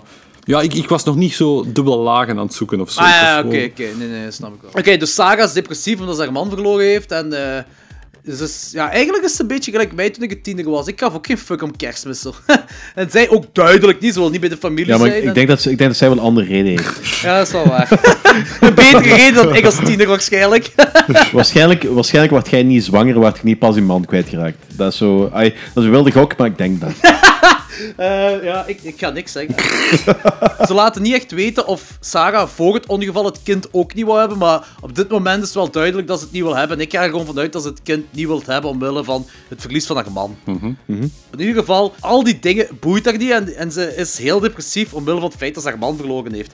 Dan heb je die eh, droom-like scène dat haar man naakt, in een naakte gat langs achter haar aan het omhelzen is.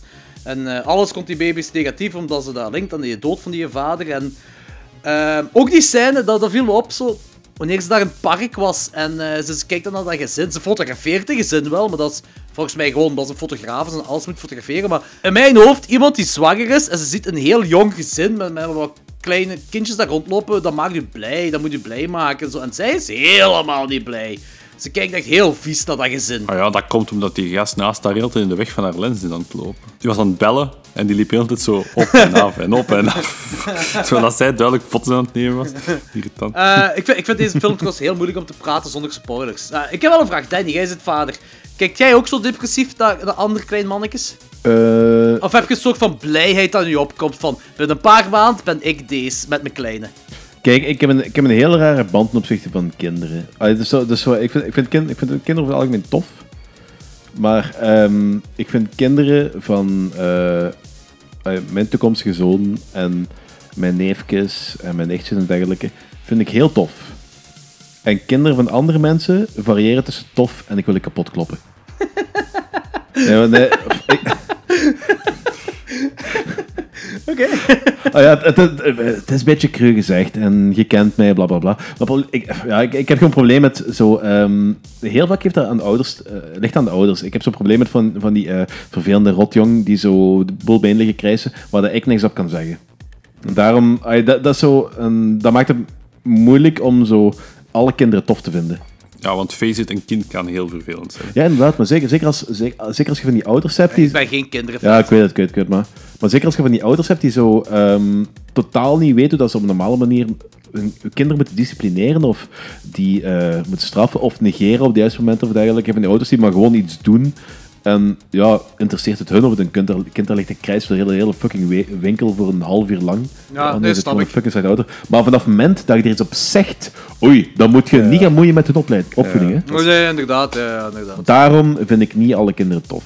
Maar wel kinderen die ik ga hebben en kinderen die familie zijn van mij of kinderen zijn, die kinderen zijn van kameraden van mij. Daar kan ik wel Dus mee om. jij snapt het, buiten dat, dat die Griet haar man heeft verloren, snapt je waarom ze zo vies kijkt naar die kleine mannetjes. Ja, misschien heeft hij ook zo, is hij ook heel judgmental over de opvoeding van, an- van andere kinderen. Ah, ik heb dat gewoon opgenomen met dat zij eh, de baby niet wilt hebben en dat ze niks meer met baby's te maken wilt hebben. Ja, ik weet niet, ik vind ik vind het heel moeilijk in te schatten, want doorheen de film probeert ze wel constant haar... eh, ofwel probeert ze gewoon zo niet slachtofferig te worden, ofwel probeert ze haar kleine te redden. Dus ik je echt redden? Ik heb niet het gevoel dat ze haar kleine wilt redden doorheen de films, hè. Ja, dat weet ik niet eigenlijk, want ze, want, hij- ze doet wel regelmatig... Want eh, je hebt die eh, droom ook van haar, die heel raar, maar we zullen into spoilers gaan nu gewoon, om het makkelijk te maken. Oké. Fuck the kids, fuck the kids, fuck the kids, fuck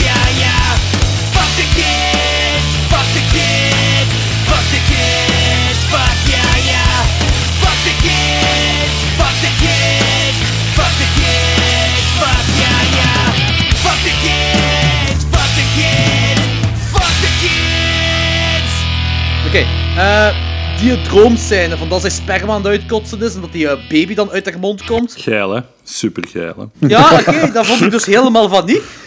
Nee, ik ook niet. Dat is een beetje Team America gevoel, maar... ehm, Ik was helemaal mee. Maar vond je dat dat meer een random droomsequence was als shock value, of denk je dat er meer achter zit? Goh, het is een beetje een eigen invulling. Dat vind ik wel leuk. Er zijn niet echt antwoorden. Het feit dat je nu al kan discussiëren over het feit van... Wilt ze dat kind houden? Wilt ze dat niet? Hoe dit, hoe dat? Hoe denkt ze? Een droom is vaak een, een verderzetting van wat je aan het denken bent. Dus het is wel leuk dat je daar geen slotklaar antwoord op hebt. Als je mij dan vraagt wat ik dan denk... Ik sluit me dan een beetje aan bij wat, dat, wat dat is aangehaald. Dat, ja, dat dat kind herinnert zich aan haar man of haar vriend. En ja, dat dat pijn doet en dat ze dan ja, terug twijfelt over dat kind. En, ah, niet per se twijfelt dat ze dat niet, niet wilt, wilt, maar gewoon, ja, ze dat liever met haar man en ze vindt het allemaal pijnlijk en zo, die dingen komen terug naar boven. Ik eh, interpreteer dat wel op die manier.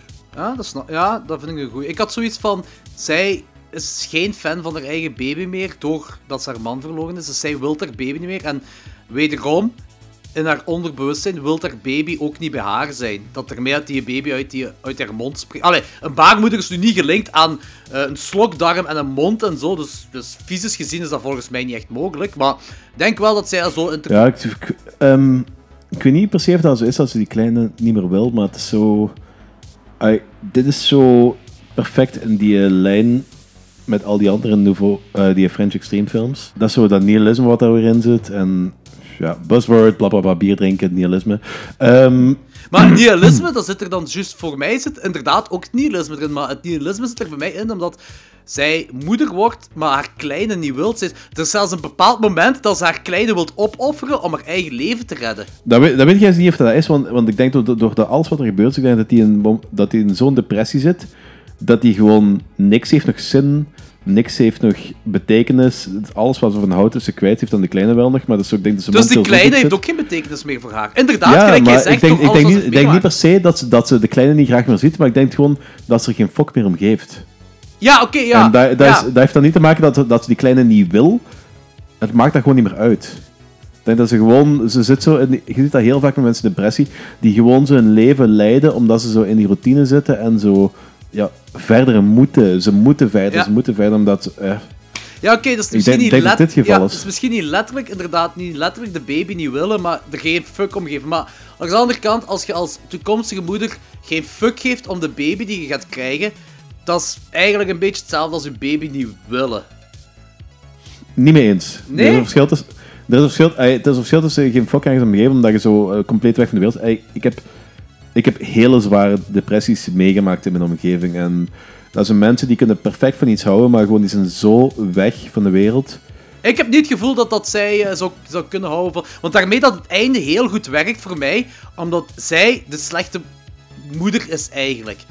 Daarmee, ja, daar komen straks wel op neer op hoe dat juist eindigt, maar eh, voor mij werkt het einde perfect, eh, omdat hier eigenlijk de, de ja, moet ik zeggen, de, hetgeen, het draait om haar, maar eh, eigenlijk is de andere de betere moeder in mijn ogen. Mm, Maar wacht, daar Ja, komen, daar komen we straks, ja. daar komen we straks daar komen we komen we straks op. Dus we hebben een kettingrokende griet dat, dat aanklopt die avond. En ze zegt dat haar auto kapot is en ze wil bellen. Classic pre-2010 home invasion film. Eh, want toen had je nog geen smartphones met powerbanks en bla bla allemaal. Dus eh, Sarah liegt en ze zegt dat haar man slaapt en ze moet gaan, dat hij s'morgens moet gaan werken. En dat, dat zij niet kan binnenlaten. En dan zegt die griet aan de deur. eh, uw man is dood, Sarah. Bam! Die keigoed, keigoeie lijn. Ja, inderdaad. Mega vet. Bam! De film begonnen. Ja, en eh, terwijl de vrouw daar zo wat staat, eh, staat te staan aan dat raam, eh, die breekt dat raam, die rookt daar wat saffen, want die, die griet die rookt constant. Hè. Dat, is echt, dat is echt Frans tot en met, hè. Is dat Frans om constant te roken? Ja, dat wordt toch gelinkt aan Frankrijk, sigaretten roken. Product placement. Smoke, smoke me like one of your French cigarettes. Dus eh, Sarah neemt daar een miljoen foto's eh, van, die eh, belt de flik en die griet verdwijnt vooraleer de flik er zijn. Eh, het, is ook, ah, het is ook heel belangrijk om te weten dat er van die riots bezig zijn eh, in dat dorp of stadje dat ze woont. Ja, daar, daar heb ik trouwens gelinkt aan Frontiers.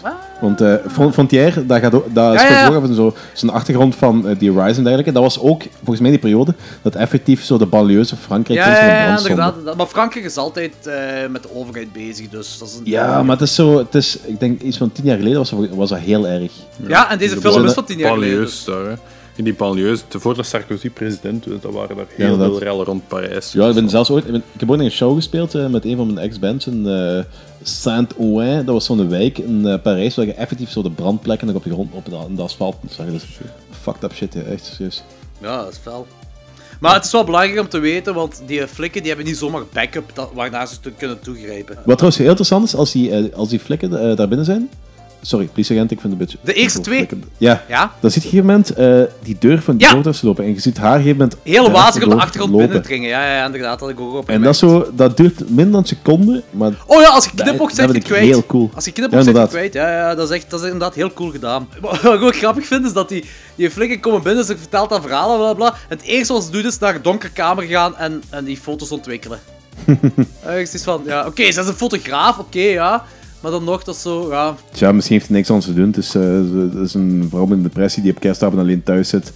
eh, de wereld te haten, zichzelf te haten, haar kind te haten. De... ja, fotografie is een goede hobby daarvoor. Ja, dat is waar. Eh, ja, nee, dit is, dit is nu iets wat... wat, wat het is ook, wat, ik ook, wat ik ook regelmatig zie bij van, van die mensen met depressie.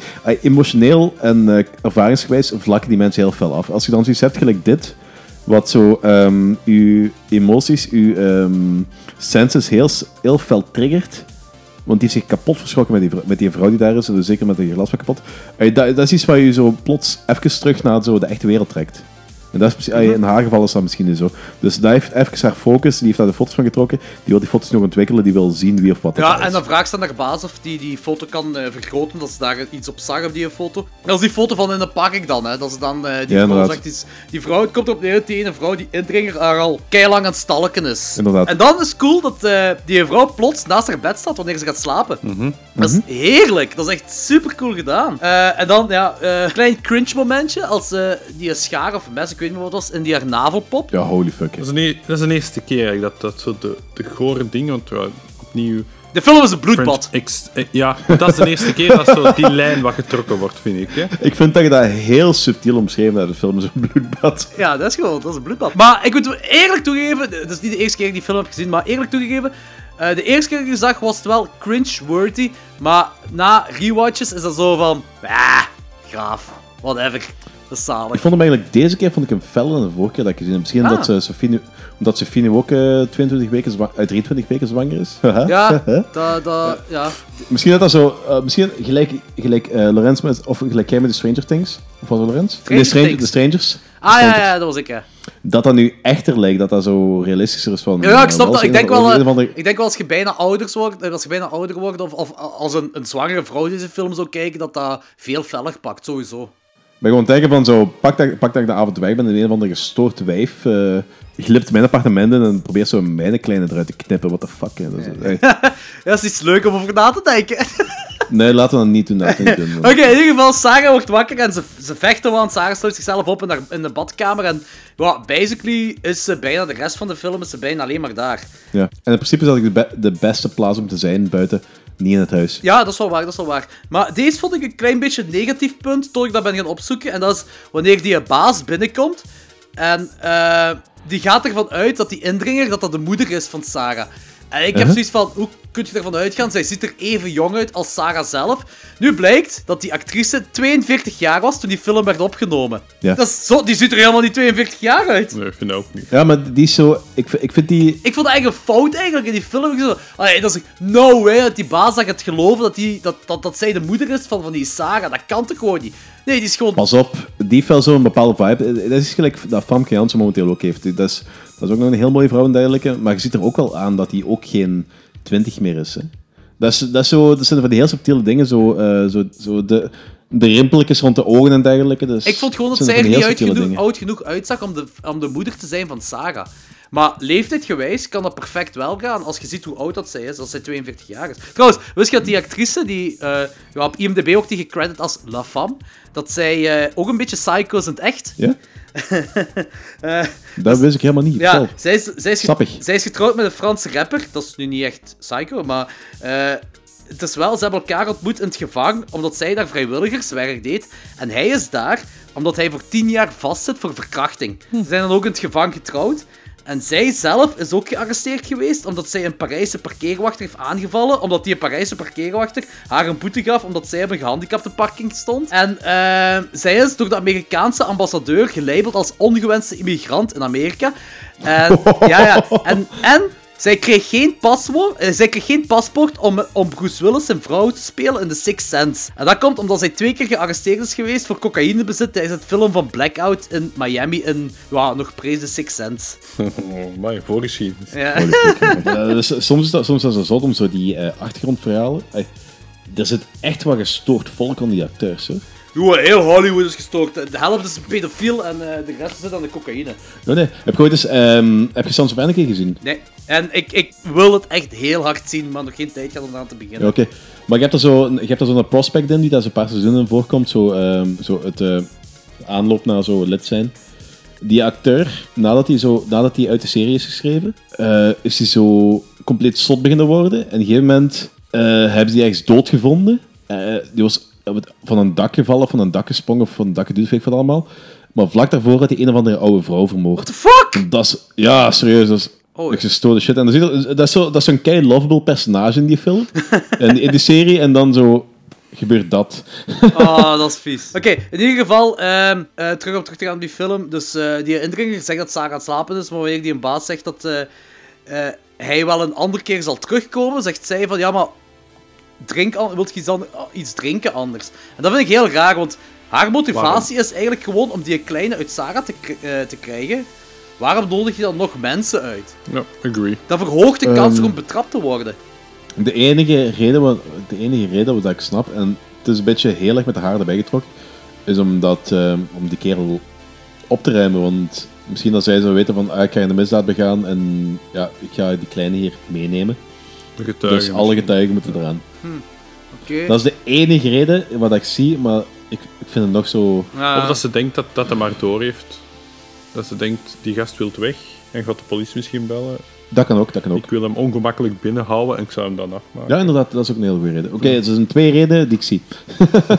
Ja, ik, ik vind het gewoon nog altijd vreemd. Het draait uiteindelijk goed uit. Ja, ja, eh, die, die echte moeder komt dan en eh, die gedraagt zichzelf als een echte moeder, is bezorgd om, om, om haar dochter en bla bla. En dan komt een heel briljante scène. Ja, maar die, dat, dat, dat die echte moeder dat op een gegeven moment binnenkomt, is ook wel zo een beetje ehm, een hele fucked up Deus Ex Machina. Hè? Dat, is zo, dat, dat die ook op het juiste moment aankomt. Dat is ook zo... Ja, maar heel die film, Ma Machtel die heeft me daar heel veel op gewezen. Hè, van dat heel die film heel makkelijk in elkaar stikt voor de moordenaar. Dat er heel veel domme mensen in deze film meedoen. Eigenlijk, eigenlijk ja. ja. Ja, daar komen we later nog wel meer op terug.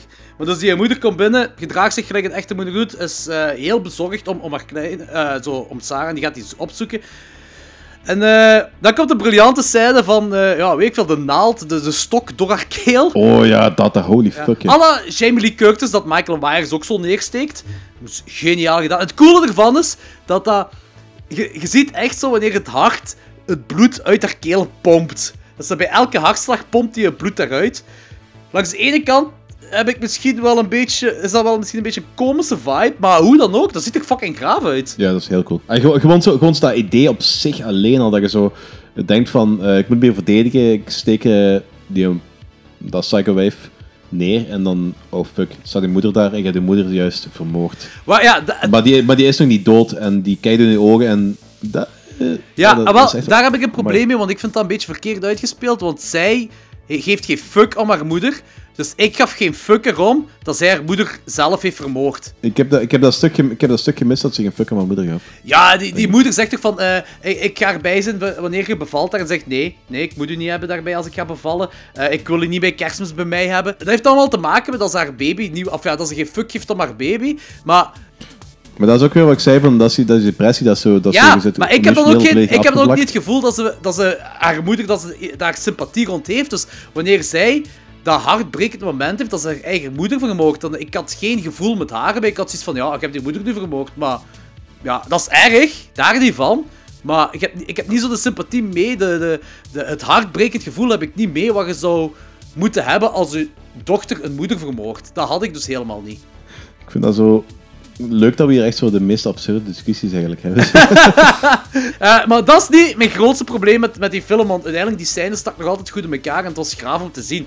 Mijn groot probleem is de zombieflik. De zombieflik? Ja, dus die wordt neer, je hebt die flik die wordt neergeschoten Ah, ja, en die ja, gigantisch dat- in zijn kop, maar die staat daarna terug op met Demon Eyes en doet de lichten aan. Pre- begrijp me niet verkeerd, hè, maar ik was blij dat hij de lichten aandeed, want al die scènes daarvoor zijn veel te donker. Dat is, dat is Mhm. vrij slecht cinematografisch in, in beeld gebracht. Als, de, als je de illusie van donker wilt creëren, dat betekent niet dat de kijker niks moet zien. En dat heeft me heel veel uit de film gebracht, want ik had zoiets van, ja, pff, ja oké, wat gebeurt er nu allemaal? Ik had geen, geen gevoel van angst of anxiety of whatever zo. Nee, dat zijn vaak ook weer, misschien weer budget reasons, hè, maar het is heel moeilijk voor donker goed in beeld te brengen. Dat is ook veel zwaar onderschat, maar het is echt heel moeilijk voor heel donkere stukken. Ja, tuurlijk. Toch geloofwaardig donker te laten overkomen. En vaak resulteert het dan in gewoon te donker en dan zie je inderdaad niks en dat is heel storend. Ja, inderdaad. En da- deze film die faalt daarin op dat, op dat vlak. Dus ik was heel blij dat die zombieflik opstond om de lichten aan te doen. Maar wat ik dan helemaal niet... eh, Ik linkte dat wel zo'n beetje als gelijk een dude dat zelfmoord pleegt met eh, zichzelf door de kop te schieten, maar die zelfmoordaanslag, dat, of ja, die zelfmoord dat, dat mislukt. Dus dan zit je daar met een half gehandicapt iemand. Zo. En daar linkte ik dat. Dus dat kan ik nog... Kan, ik, ik kan, ben echt nog wel mee dat dat hem nog leeft nadat hij in zijn kop geschoten is. Maar dat hem kan opstaan... En dat hem dan zo die plot terug aan... Terwijl daarvoor had je iemand die effectief nog licht een zaklamp erop scheen. En hij had moeite met te zoeken, hoe moet ik die licht hier nu gaan aandoen? Maar als hem één keer in zijn kop geschoten wordt, dan kan hij perfect opstaan en die lichten aandoen. Daar had ik, daar had ik heel veel problemen mee. Dat haalde mij Misschien zijn zo de overbodige dingen zijn hoofd geschoten en kan ze focussen op wat belangrijk is. Als je een stuk van je hersenen kwijt, een stuk van de kop kwijt... Nee, eh, die, die, dit werkte echt niet voor mij. Dat, Ja, ik snap het wel, ik snap het wel. Ik denk dat dat, voorna- ik denk dat voornamelijk, ook- ik denk voornamelijk ook zo gewoon doel heiligt de middelen was. ik, ik had een heel Monty Python gevoel op dat vlak. ze. Dat was echt, echt zo van, eh, wat staat hier nu op? Dit is officieel de eerste keer dat eh Nouveau of French Extreme vergeleken is met Monty Python. Unicum.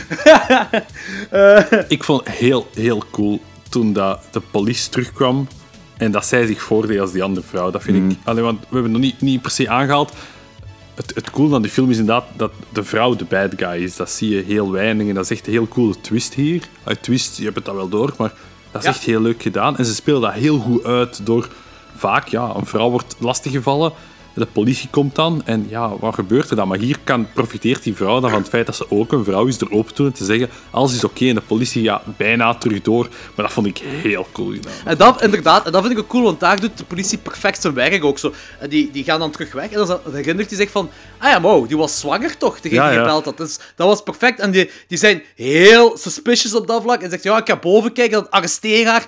En ja, ook die, die politieagent dat haar arresteert, die kon niet weten dat zij breinaalden vast heeft. Dus op dat vlak is dat perfect. Dat was een goed, echt een goed stuk. Ja, inderdaad, dat stikt perfect in elkaar op dat vlak. Maar eh waar ik dan wel weer een probleem mee heb, is dat...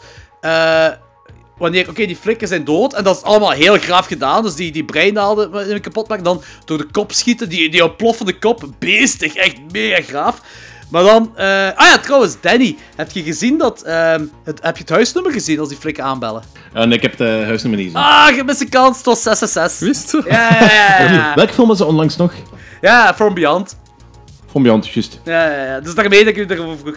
Eh zat, eh, met die flikken, dus wat ik zei is, die hebben perfect gereageerd. Maar die andere flik met die gevangenen dan, die, eh dat vond ik zo raar. Dat die flik dan zoiets heeft van, hé, hey, wacht jij hier?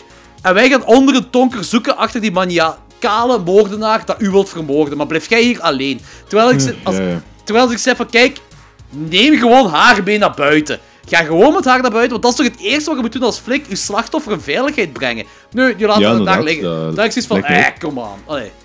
Terwijl die andere flikken echt zo goed gereageerd hebben en hij doet iets, dat is... Ja... Dat is ook weer de moordenaar het een beetje te makkelijk maken op dat vlak. Ja, daar geef ik wel gelijk in. Dus. Eh, en dan is... Ik ga gewoon echt... Want voor de rest heb ik helemaal niks slechts te zeggen over deze film. Dat is echt een pracht van een film, maar dat is nog een derde ding wat ik heel kut vind. ja, en dat is... Ik moet het aankaarten. En dat is wanneer die eh, eerste eh, flikken aanbellen... Of wanneer die aanbellen, en die bellen vier keer aan... Sarah zit in die badkamer. Die moet sowieso die bel gehoord hebben. Die doet niks. Het enige wat ze moest doen was help roepen. Ze moest gewoon haar, haar longen uit het lijf schreeuwen naar hulp. En die doet dat niet. Dat is inderdaad wel waar, maar... eh, maar ik had, ik had wel... Ik weet niet precies wat dat nu was, maar toen ik de film zag, had ik wel zoiets van... Snapte ik wel waarom dat ze niet schreeuwden, maar Huh? ik, kan het momenteel, ik kan het momenteel niet echt meer erop halen, dus volgens mij was het gewoon fout. Ja, want het enige wat ik dacht is, ik, sto- ik, ik zat echt aan de tv en ik zei, schreeuw, schreeuw om hulp. Doe dat toch gewoon, je hoort die bel, dat is onmogelijk dat je die bel niet hoort. Dat zijn, dat zijn de enige drie minpunten dat ik heb aan deze film. Dat is eh, die eh, zombie-flik, de flikken dat daar eh, haar boven laten en, en zij dat zogezegd de bel niet hoort. Oké, zo dat, ik vind dat heel goede redenen.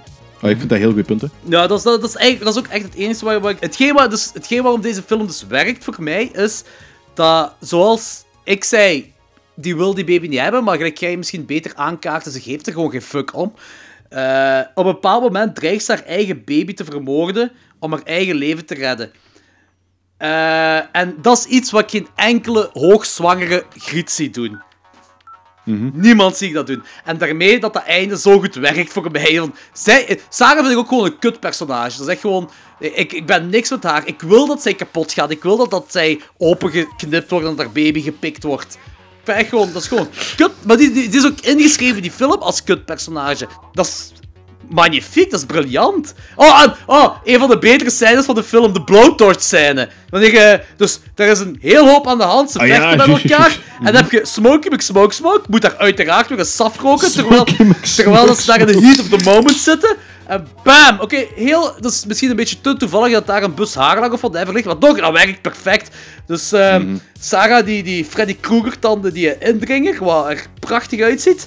Die, ja, ik bedenk ook wel dat die indringer, dat die aan weet ik veel wat voor pijnstillers zit, want voor de rest van de film heeft hij helemaal geen pijn van die brandwond. Dus die derde graad verbrand en die voelt er niks van. Ik denk gewoon dat hij com- compleet gestoord is, dus eh, los daarvan. Ah, je denkt dat ze gestoord is dat ze die brandwondes niet voelt. Eh, niet per se dat ze niet voelt, maar dat ze daar heel anders op reageert dan... eh, Ja, ik- het was geen, dat is geen minpunt of zo, het viel me gewoon op. Ik dacht van als jij ja, zo'n kop hebt, dat je eh, vol derde graad brandwondes bent, dan no- way dat je zo kunt reageren. Oké. Dacht ik. In ieder geval, het einde, de reveal. Mega gaaf. Het komt erop neer dat die indringer in de auto zat waarmee hij ongeluk heeft gehad, haar kind heeft verloren en dan, ja, Sarah's baby wil stelen. Ja, maar dat, dat is zo het punt dat ik me besef van die kleine wat je heel op het begin ziet, wat zo op een gegeven moment met het eh, druppeltje bloed. Ja, Was dat, was dat niet... Volgens mij was dat dan de kleine van... de eh, indringer. de, de indringer Ja. en niet van Sarah. Nee, inderdaad. Ja. Inderdaad. Dat had ik ook wel. Dus- Hetgeen wat ik wel eens heb van, waarom zegt Sarah tegen, tegen die indringer eh, dat niemand overleefde? Dat, dat ze, ah, ze hadden tegen haar gezegd dat niemand die crash overleefd had. Dat vind ik ook heel raar. Dat heb ik ook niet Want dat is Misschien- iets wat ze in die film geschreven hebben. En dat is iets om een reden. Waar je. Ik hoop niet dat ze ermee bedoelen dat, dat, dat, eh, eh, dat die indringer dat het supernatural is. Zo'n soort van Jason Voorhees of Michael Myers of een, een fysieke geest of zo. Dat hoop ik echt niet dat ze ermee bedoelen. Datgene wat misschien kan zijn, en dan ben ik maar, ben ik maar zo dingen erbij aan het halen, dat dat misschien dat die vrouw effectief in die auto zat, dat, die, dat effectief de personen in die andere auto overleden zijn, en dat die vrouw effectief gestoord is en zich ehm In inbeeldt dat die de andere in de auto was en dat die haar kind daarin verloren is. Dat is één... Dat is één Maar dat is ook wel met een heel Een grote optie ik ja, dat is, een heel, dat is inderdaad een heel goede stretch, maar het is zo... Zeker, dat is een te grote stretch om dat niet in de film te steken. Ja, inderdaad. Ja, inderdaad. ja. Ja. Dus dat, dat denk ik niet. Ik, weet- ik weet, ja. Het is wel een goede, het is een goede stretch, maar dan zou het effectief moeten uitspelen. Ja, inderdaad. Ah, het- Maar ja, dit spelen ze ook niet uit. Want, want het lijkt me wel dat als je een accident hebt gehad en dat ehm, de personen in de andere auto het overleefd hebben, dat je ook weet, als de personen in de auto gestorven zijn, Ja, dat je dat ook weet. Ja, Omdat je tuurlijk. er bezorgd voor bent. Hè. Ja, inderdaad. En Ja. je wordt ook wel door de, ehm, door de hulpdienst op de hoogte gehouden van wat er gebeurt met die andere mensen. Ja, ja, En die, tuurlijk. ziet er, die vrouw ziet er nu ook niet uit alsof dat die, eh, uit, dat, is, dat is vier maanden daarvoor, ziet er ook niet uit alsof die zo zwaar gewond was dat die Een coma overleefd heeft of zo. een, ja, zoiets. Ja, nee, inderdaad, daar geef ik je gelijk in. Ja, dus ik vond dat heel, ik vind dat heel rare zin om te zeggen. Ik snap ook Mhm. niet. Ze hebben dat voor een reden erin geschreven en ik snap nog altijd niet waarom. Dat vind ik heel raar. In ieder geval, het, voor de rest eindigt wel perfect. Dat ik, ik heb gezien wat ik, wat ik wou zien. Ah, eigenlijk wou ik nog meer zien. Na heel de, eh, dat graaf bloederig gedoe. Wou ik ook effectief zien dat ze de kind eruit haalden, maar dat zal ook waarschijnlijk nog budgettaire redenen zijn dat dat niet ging. Voor de rest, die knipt die je buik open. Dat heel graaf was. Ja, echt. Dat is, dat is echt wel wauw. eh ongemakkelijk. En dat is hetgeen wat ik bedoelde van. Daarom werkt die film voor mij. Dus zij neemt die baby, ze gaat er in die schommelstoel zitten. En dan heb je dan. Zij geeft echt om die baby. Je ziet dat zij geeft. Terwijl heel die film lang Sarah niks gaf om, om de foetus in haar lichaam. En daarom werkt die film perfect. Ik, de, deze film eindigt perfect gelijk ik wou. Sarah moest sterven. Die, eh, en de baby moest bij de indringer geraken. Dat werkt perfect voor mij. Dat is perfect geschreven. Is dat dan een eindgoed, al goed film? Of, eh? Oh, op, een, op een heel vreemde manier. Voor mij toch wel, in ieder geval. wel, wat ik wel grappig... ah, nee, niet gewoon graag vind is... Als daar op die trap, als ze met elkaar aan het worstelen zijn, dan zit eh, Sarah, die roept daar... Mami, mami. Waarom roept ze haar moeder? Die, zij heeft haar moeder toch vermoord? Ja, maar ze heeft haar moeder niet bewust vermoord. Eh, dat is zo...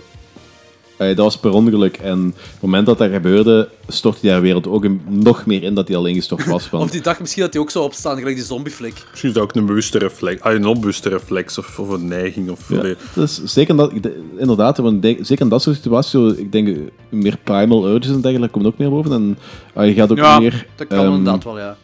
teruggrijpen naar hetgene wat vroeger je angsten weghaalde. Aha. En vroeger was, dat- vroeger was dat mama. Eh, oh ja, ook nog, als ze een gat maakt in haar keel om te kunnen ademen. Wat ook iets is wat ik denk dat ik nooit bij mijn eigen zou kunnen doen. Wat heel graaf is dat ze dat doet. Maar wat ik niet snap is, dat die, ja, dus die maakt dat gat. En ja, die zal een, ik weet niet, een klaplong gehad hebben of whatever. Ze, ze laten niet echt zien hoe dat gebeurt. Ik weet dat ze Nee, dat is, Dat is een broodrooster. vliegt dat, tegen je haar een gat, dat je een gat in je keel maakt. Dat is omdat je luchtpijp eh, dicht zit. Ja, ja, dat- dat snap ik. Dat gaat, gaat dan niks met Ah, maken hebben. Maar eh, ze laten niet echt zien hoe dat gebeurde. Ze. Maar dat maakt niet uit, dat hoeft ook niet. Dat hoeft ook niet voor mij. Maar wat ik niet snap is dat hij dat gat dicht maakt en dan duct tape dat terug toe. Ah, waarschijnlijk wegens bloedverlies tegen te gaan of zo, daar niet van. Maar dan is dat luchtgat toch ook toe. Ja, maar het, ik, denk, ehm, Ah, ik weet niet juist hoe dat werkt. Het zal... ik denk dat ze even later wel gewoon terug kon ademen. Dat dat gewoon even iets tijdelijks was. En dat Ah, oké. Ik weet niet dat ze haar luchtpijp eh, heeft kunnen opentrekken of... Ik weet het niet, ik heb er geen uitleg voor. Maar ik ga ervan uit dat hij terug kan ademen. Dat hij bijgevolg de wonden, eh, de wonden die ze even heeft gemaakt, om haar tijdelijk te kunnen Dat daar een luchtpijp terug openzetten. Inderdaad. Ja, ja, dat inderdaad, hij, ja. Ja, dat hij die wonden verzorgt. Ja, ja, nee, oké, daar kan ik mij ook wel bij inkomen. Eh, Oké, staat vast goed. Mhm. Oké, laten we overgaan naar ratings. Eh. Danny, begin jij maar. Ehm, Oké, eh, ik, heb, ik heb bijna niet nagedacht over, over hoeveel deze film zou geven, dus ik ga echt puur op impuls doen. Ehm, sowieso, ik ben een hele grote fan van die heel eh, Franse extreem Yes. beweging. En ik, ik weet niet of er films zijn in, van, van, die, van, die, van die scène, wat ik, van die scene wat ik gezien heb, wat ik slecht vind. ik onderbreek, want je spreekt juist, zijn er vijf of zo. Is, heet dat Martiers, Frontiers? Nee, nee, er zijn er, zijn er in, in de 20, eh, in totaal zijn er ergens in de 20. Eh, ik denk Mhm. 21 Zo, zelfs. En dat is officieel tussen aanhalingstekens. Ja. Dat, dat, dat- en dat is afgesloten nu, of komt het daar nog bij? Eh, dat is een heel goede niet. vraag, dat weet ik zelf niet. Maar Wikipedia laat een heel mooi lijstje zien. En degene wat ik ervan gezien heb, snap ik zo gelijk. Eh, je hebt dan Frontiers, Trouble Every Day, Martyrs, eh Al Interieur. ehm shit, hoe noemt u weer met die eh eh Griet en- Attention. Autation, ja, inderdaad. Autation. Ehm Il, eh, oftewel in het Engels Dem, wat eigenlijk volgens mij Strange, The Strangers is op die film gebaseerd. Ja, ja, daar ben ik Ehm, vrij zeker van. Vrij zeker van Eh, eigenlijk. En deze is een van de eerste? oh, ik denk dat de eerste... Ah, dat alhoewel. is gewoon de eerste. Deze, nee, nee, dat is nee, de dit is eerste van die wij besproken hebben, 2007, dat is niet de eerste. Dat is sowieso niet de eerste. Dat is gewoon de eerste die wij besproken Ja, hebben. inderdaad. De eerste dat wij besproken. Ah, ding is ook, eh Irreversibele hoort er ook bij. Ah ja, god. Ja, er zijn, Ja. Je moet dat gewoon, als je French Extreme op Google intypt, dan kom je bij Wikipedia uit op een lijstje van, eh, van al die soort films. Bij, Mm. bij hoort er ook bij. En Ja, zou- die vind- zou je die vind ik wel toch, kut. Omdat, omdat Danny hem aan het plaatsen is, voor punten, deze is bij de betere? Ik vind deze ook bij de Eh, beter. in ieder geval, ik ben, dus, ik ben een vrij grote fan van die, van die scene. Omdat ik hou van ongemakkelijke films waar niet per se alles goed komt op het einde. En dit is weer, weer een perfect voorbeeld van. van niet, dat, niet dat ik wil dat, de, dat, dat niet dat ik wil dat dat zo slecht eindigt, maar er is een bepaalde emotie die zo veel eerlijker en veel puurder lijkt dan zo heel veel andere films. Ik, ik geloof het heel moeilijk als ik een horrorfilm zie en dat komt goed en uiteindelijk wandelt, wandelt The Last Girl of The Last Couple of weet ik vrolijk weg en het leven is oké en alles is goed. Hé, hey, ik snap dat. Hè. Ik, heb, ik, heb zelfs bij Toy Story 3 moeten gewoon eindigen in die afvalcontainer daar. Zo, bam, allemaal iedereen kapot. Dat was perfect geweest voor mij. dus eh, ik snap het perfect.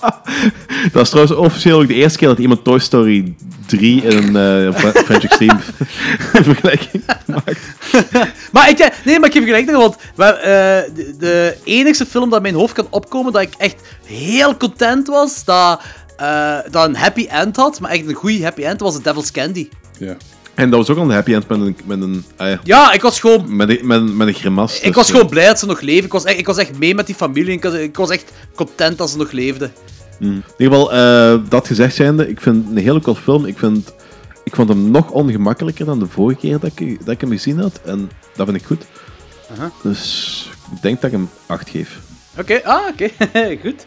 Eh eh anders ga ik nu, want eh, ik geef hem ook een 8. En dat volgt er perfect op in. Eh, Ik geef hem ook een 8, maar ik vond, ik vond hem komischer dan de andere keer dat ik hem gezien had. Omdat zo een paar van die, van die bloed... Komischer. Ja, ja.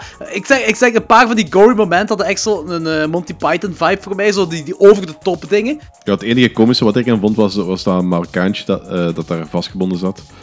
Dat daar zo... eh, Zijn handboeien. Ah, ja, inderdaad, dat is een beetje paniek, het paniekerig geen lichtje zat uithangen. Ja, ik, ik vond die zombieflik vond ik al komisch, zoals dat daar... Ah, komisch, tussen aanhalingstekens komisch. Ik zeg zo die Monty Python vibes, zoals hij daar plots op staat. En ik van, ah, is dat hier Evil Dead 2 of zo?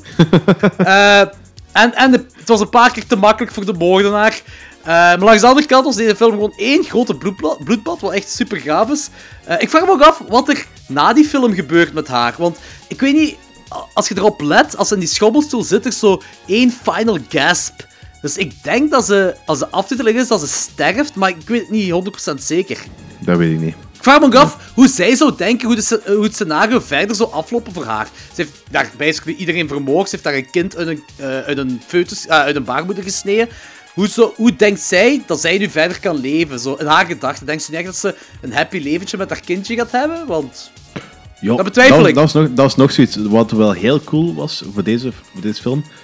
Al pak dat ze zo een eh, mockumentary of een, eh, ehm, zo'n fake news, newsreel hadden gemaakt van de aftermath van dat. Want dat is een huis waar dat ja, ja, ja. acht dode mensen liggen waarvan ay, overal bloed, echt de meest gestoorde dingen. Een vrouw wiens buik was opengeknipt en haar kleine eruit gehaald. Eh, Kom, Ja. daar, had ik, daar, had ik echt, daar hadden ze misschien echt wel zo'n after, zo'n eh, zo'n newsreel voor moeten maken van gewoon verslaggeving van daarvan. ja dat snap ik. Want dat, dat zou een van de meest gruwelijke, dat zou een van de meest gruwelijke misdaden. Jij hoopte gewoon dat deze het echt zou gebeurd zijn. Nee, nee, nee.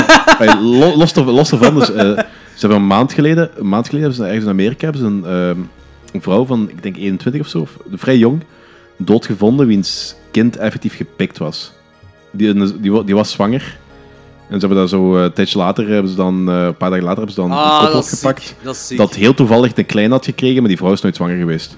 Ah, dat, Dat is eh, die kleine schermen. eh, dat is gestoord. Deze shit gebeurt echt. Ja. Misschien niet gelijk dan in de film wordt uitgebeeld, maar deze shit gebeurt echt. Ja, dat is, dat is. En dat is iets wat vrij vaak voorkomt eigenlijk. Zelfs zo kinder, eh, kinderen van zwangere vrouwen pikken. Dat is echt... Dat, dat is een ding, dat gebeurt. Dat, Maar het is niet mijn ding. ja, nee, mijn ook niet.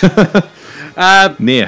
Eh, in ieder geval, ik heb maar, zoals ik zei, ik heb drie grote problemen met die film. En that's it dan ook zo. Eh, dat is die zombie flick, de flik dat er boven laat. En de zogezegde bel dat ze niet hoort. Dat is enige wat probleem dat ik mee heb. Daarmee een goede achter. Een heel grote aanrader. Ook gewoon omdat die is wel extreem misschien, maar het is, het is wel kijkbaar, vind ik. Zo. Het is niet dat je zo. Ah, je, kunt wel zo van die cringe momenten hebben, maar. Jordi, laten we even eerlijk zijn. Voor u is dat kijkbaar, voor mij is dat kijkbaar. Voor Thomas, weet ik niet. Ik neem aan dat dat voor u ook wel kijkbaar is. Ja, maar ik ben, ik ben minder de, de extreme gore toestanden. En Voor gemiddelde bevolking voor mij is was het wel dit randje, bad shit. zeggen. Ah, Voor mij oké. Fucked up. Oké. extreem, hè? Want als jij dan zegt, ik vond het grappig en zo, ik vond het nooit echt grappig. dat is niet het woord dat bij mij opkomt. Ik heb echt een Nee, paar Evil Dead 2 momenten. Nee, ik, Ja. vond, ik vond deze... Ja, ik, ik vond dat bij de gordere dingen dat ik al ooit heb gezien, denk ik. wel. Ja, Ja, maar ik denk, dat is denk, zo. denk dat wij, denk dat wij gewoon te, compleet eh, te gedesensibiliseerd zijn. Wat dat wel mag voor een horrorpodcast, maar je moet soms wel gewoon... Ja, ik, als ik in mijn vriendenkring tien random mensen pak, denk ik dat die alle... Of negen van die tien die sowieso afzetten gewoon. Omdat die Ja. gewoon zeggen, what the fuck is dit? Dus de, Ja, denk jij dat die zo extreem zou werken? Ik vond die wel, ik dit vond is die ook- wel Dat is goed, hè? Dat, is positief, Dit is zo'n wel films dat mensen laat kotsen. Hè? Dus, Ja, eh, ik kijk wel horror, niet zoveel als jullie, zeker niet. Maar ik vond deze al soms randje. Dus ik vond dat wel... Maar ik vond dat wel weer goed, omdat ik het minder geforceerd vond. Wel, hier vond ik dat meer passen in, in wat er gebeurt. Vandaar dat ik hier wel meer in een verhaal gebonden voel. Twist met, verhaal, ah, twist met de vrouw, twist was dan vrij vroeg, maar ik vond die heel goed. Het einde vond ik heel goed, de openingsscène was heel goed, de, muziek uit de stilte was ook altijd keigoed. Eh die, die, de bad girl vond ik heel intriguing en echt, die, die look van haar was echt heel goed. Die kleren waren ook heel gaaf. De, de kills waren ook heel goed. En op, op het einde, ik, ik meen toen dat ze die, die, die baby eruit knipte, dat vond ik echt een mega gore scène. Gewoon. Dat is zalig, echt- Maar dat ben ik inderdaad vergeten te zeggen. Die eh, soundtrack, die is zo heel oppompend. Zo vond ik zo. Dat is een beetje, zo, een beetje de voorloper op Dunkirk. zo. Ik vond, ik vond bij de, bij de coolste scène, als je mij vraagt, ik vond de openingsscène met de auto gewoon heel cool gefilmd, heel simpel, maar net daarom heel goed. Het einde, het uitknippen van de baby, dan niet per se het knippen, maar ik vind op een gegeven moment filmen ze zo van achter haar, van de trap, Ja, dat dat ja, bloed zo van ja, die trap gutst. Dat vond ik ook heel cool Die subtiele dingen erin, hè? Het is dan ook altijd heel donker, maar toch niet te donker dat je dat bloed ziet, maar dat, dat bloed is zo altijd heel donkerrood. Hè. En dat vond ik heel cool qua... Ah, Dat vond ik heel goed gemaakt. En op het moment dat ze in die badkamer zit, dat is zo typische badkamer die je in horrorfilms hebt. Ook in It zit dat heel zwaar. Badkamers zijn wit, bloed is rood. Dat, dat, Dat werkt, gewoon heel Dat goed werkt samen. ja, Ja. Dus hoeveel zou je die reten? Ik denk dat ik een 7,5 ga geven. Ah, zalig. Very Goor, vind ik, goor ga ik meestal minder geven, omdat het gewoon niet per se mijn ding is. Ik vind dat erom niet slecht, maar dat is minder mijn ding. Maar hier vind ik het wel passen in het ding en ik vind dat er originele twist in zitten. Allee, als je, ik denk wel dat je tien films kan maken die er heel hard op lijken. En ik zou waarschijnlijk die tien dan niet meer zo geweldig goed vinden, omdat je het allemaal al wat gezien hebt. Maar omdat deze nu mijn eerste kennismaking is met dit naar extreme Ja, nee, goor goed, dingen goed, gaat. goed, en dat vond ik dat wel goed. Ik vind, ik vind trouwens, eh, eh, er is nog een... Ik weet niet of Martyrs zou ik nu niet een goordere film vinden, maar eh, zo qua goreheid, maar die werkt veel beklemmender wel. Die is gewoon veel intenser. Gewoon heel, het hele filosofie erachter is gewoon compleet gestoord. Ja, ook brutaler, maar die gaat, volgens mij gaat jij die nog beter vinden, Thomas. Ik denk, denk dat wel. Ik denk dat wel. ehm, die is iets minder, inderdaad, gelijk jou die zegt, is iets minder goor. Maar die is wel pak intenser en zo. De hele, het hele, hele idee erachter is ook al is gewoon mindblowing. Ja, shit insane. Ah, in ieder geval, heel grave scoren, dus, dus we kunnen ervan uitgaan, deze is een heel grote aanrader. Oké, voor onze volgende film, eh, wat, eh, wat een heel interessante discussie gaat worden, denk ik. Ja, amai. Zeker om die zonder spoilers te doen, dat vind ik een heel moeilijk. Ja, ja, ja, inderdaad. Ik ga, ik ga het proberen, maar... ehm zwart, in ieder geval, we gaan modder bespreken.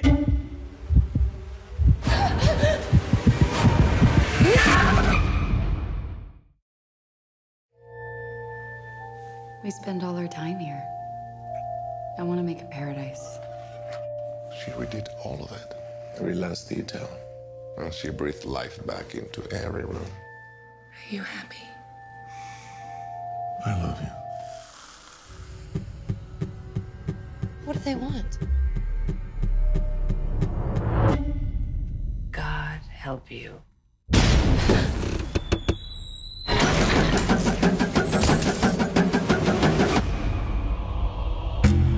They've come here to see me. Come quick!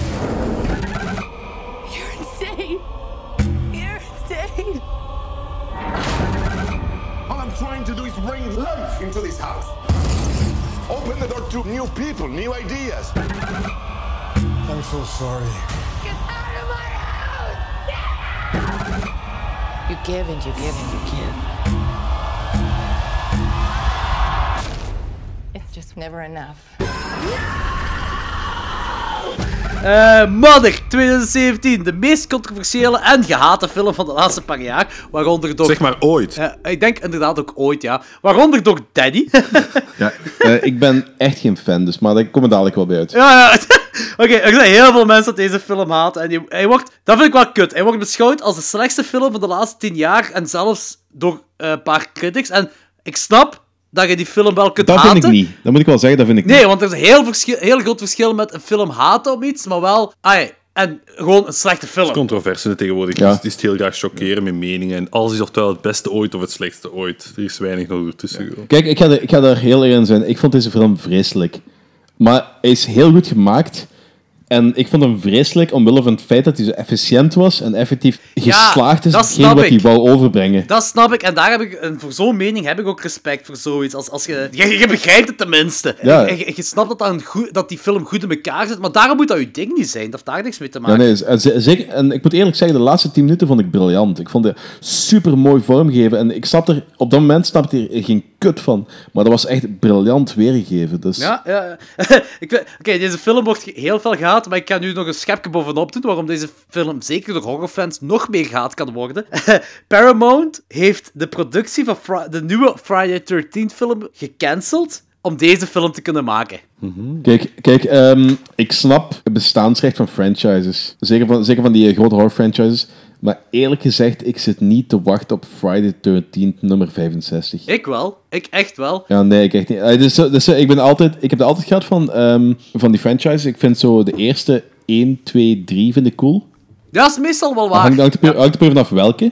En af en toe is een remake wat ik cool vind. Of dat ze zo eens ehm 20 jaar later de draad oppikken. En dat ze dat op een goede manier doen. Maar voor de rest is het zo van... Dat is zeer is eigenlijk... De meeste sequels van franchises... Kijk, met alle respect, maar de meeste Halloween sequels... Ja, zijn kut. Zijn, ge- zijn gewoon kopies. Oh, Van, of gewoon- de, van de, de vierde. Of gewoon slecht. Niet eens van de eerste, niet eens van de eerste, gewoon kopies van de vierde. 4, 5, 6, 7, H2O, Resurrection, dat zijn allemaal dezelfde fucking films, hè? Ja, ja, ja maar dat, dat is bij alles zo, hè. Dat is bij alles zo. Maar dan nog, dan nog ben ik fan. Gelijk Friday 13, de eerste, de eerste twee vind ik briljant. Zeker de tweede. De derde vind ik minder. Daar krijgt iemand zijn hockeymasker. De, de vierde vind ik weer briljant met Corey Feldman. Eh, de vijfde vind ik leuk. Een, een twist waarvan ik snap dat mensen die film niet cool zouden vinden. Eh, de zesde, eh, ja, een beetje minder. De, de zeven, nee, wacht. De zevende is die, die carry-toestanden eigenlijk. Hè. En de achtste is dan de Manhattan. Ik- vind die nog leuk daar. Dat, die speelt misschien af op de boot, maar ik vind die nog leuk. De negende vind ik oprecht kut. Dat vind ik een gigantische kutfilm.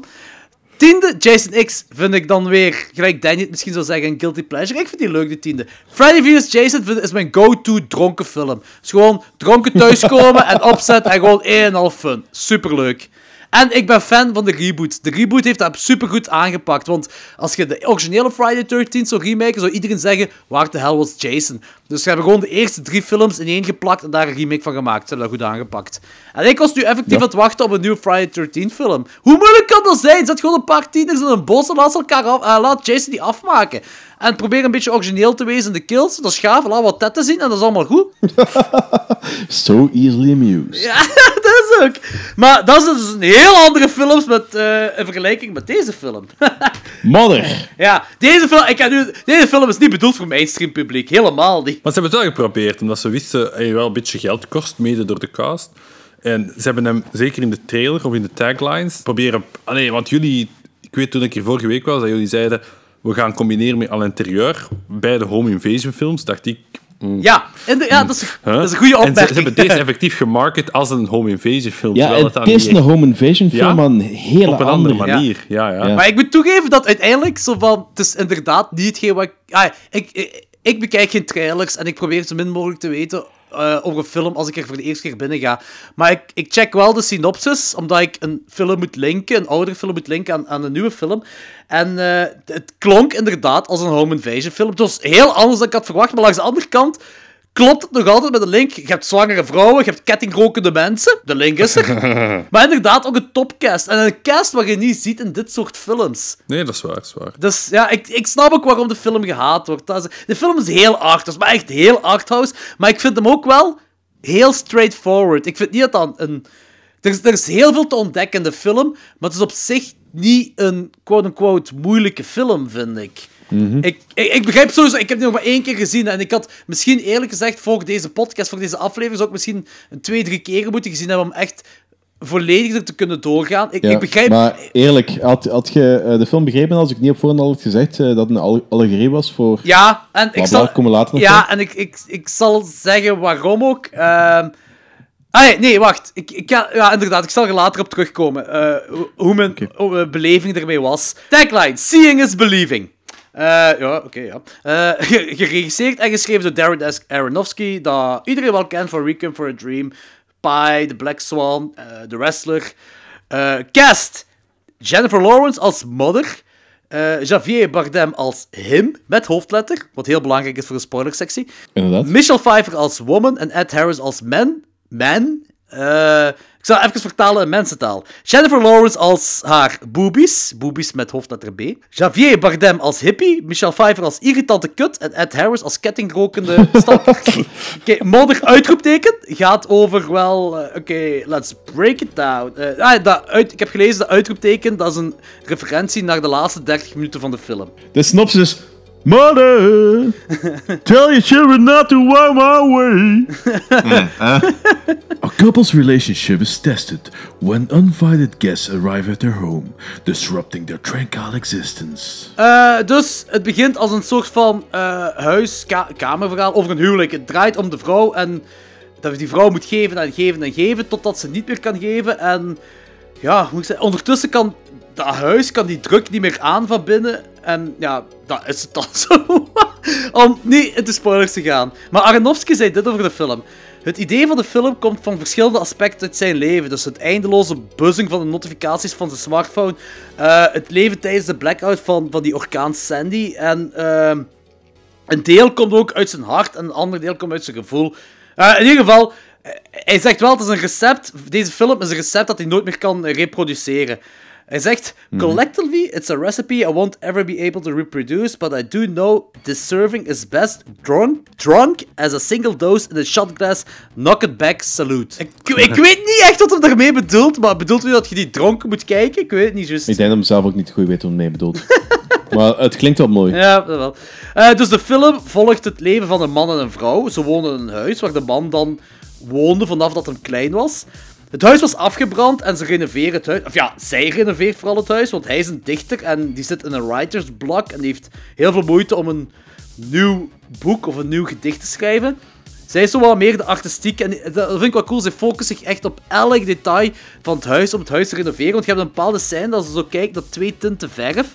En zo twee tinten gewoon, zo, om te kiezen wat, wat, wat muur dat die tint gaat worden. Ze wil echt zo dat huis perfect mogelijk maken. Of gelijk in haar woorden het, paradijs van maken.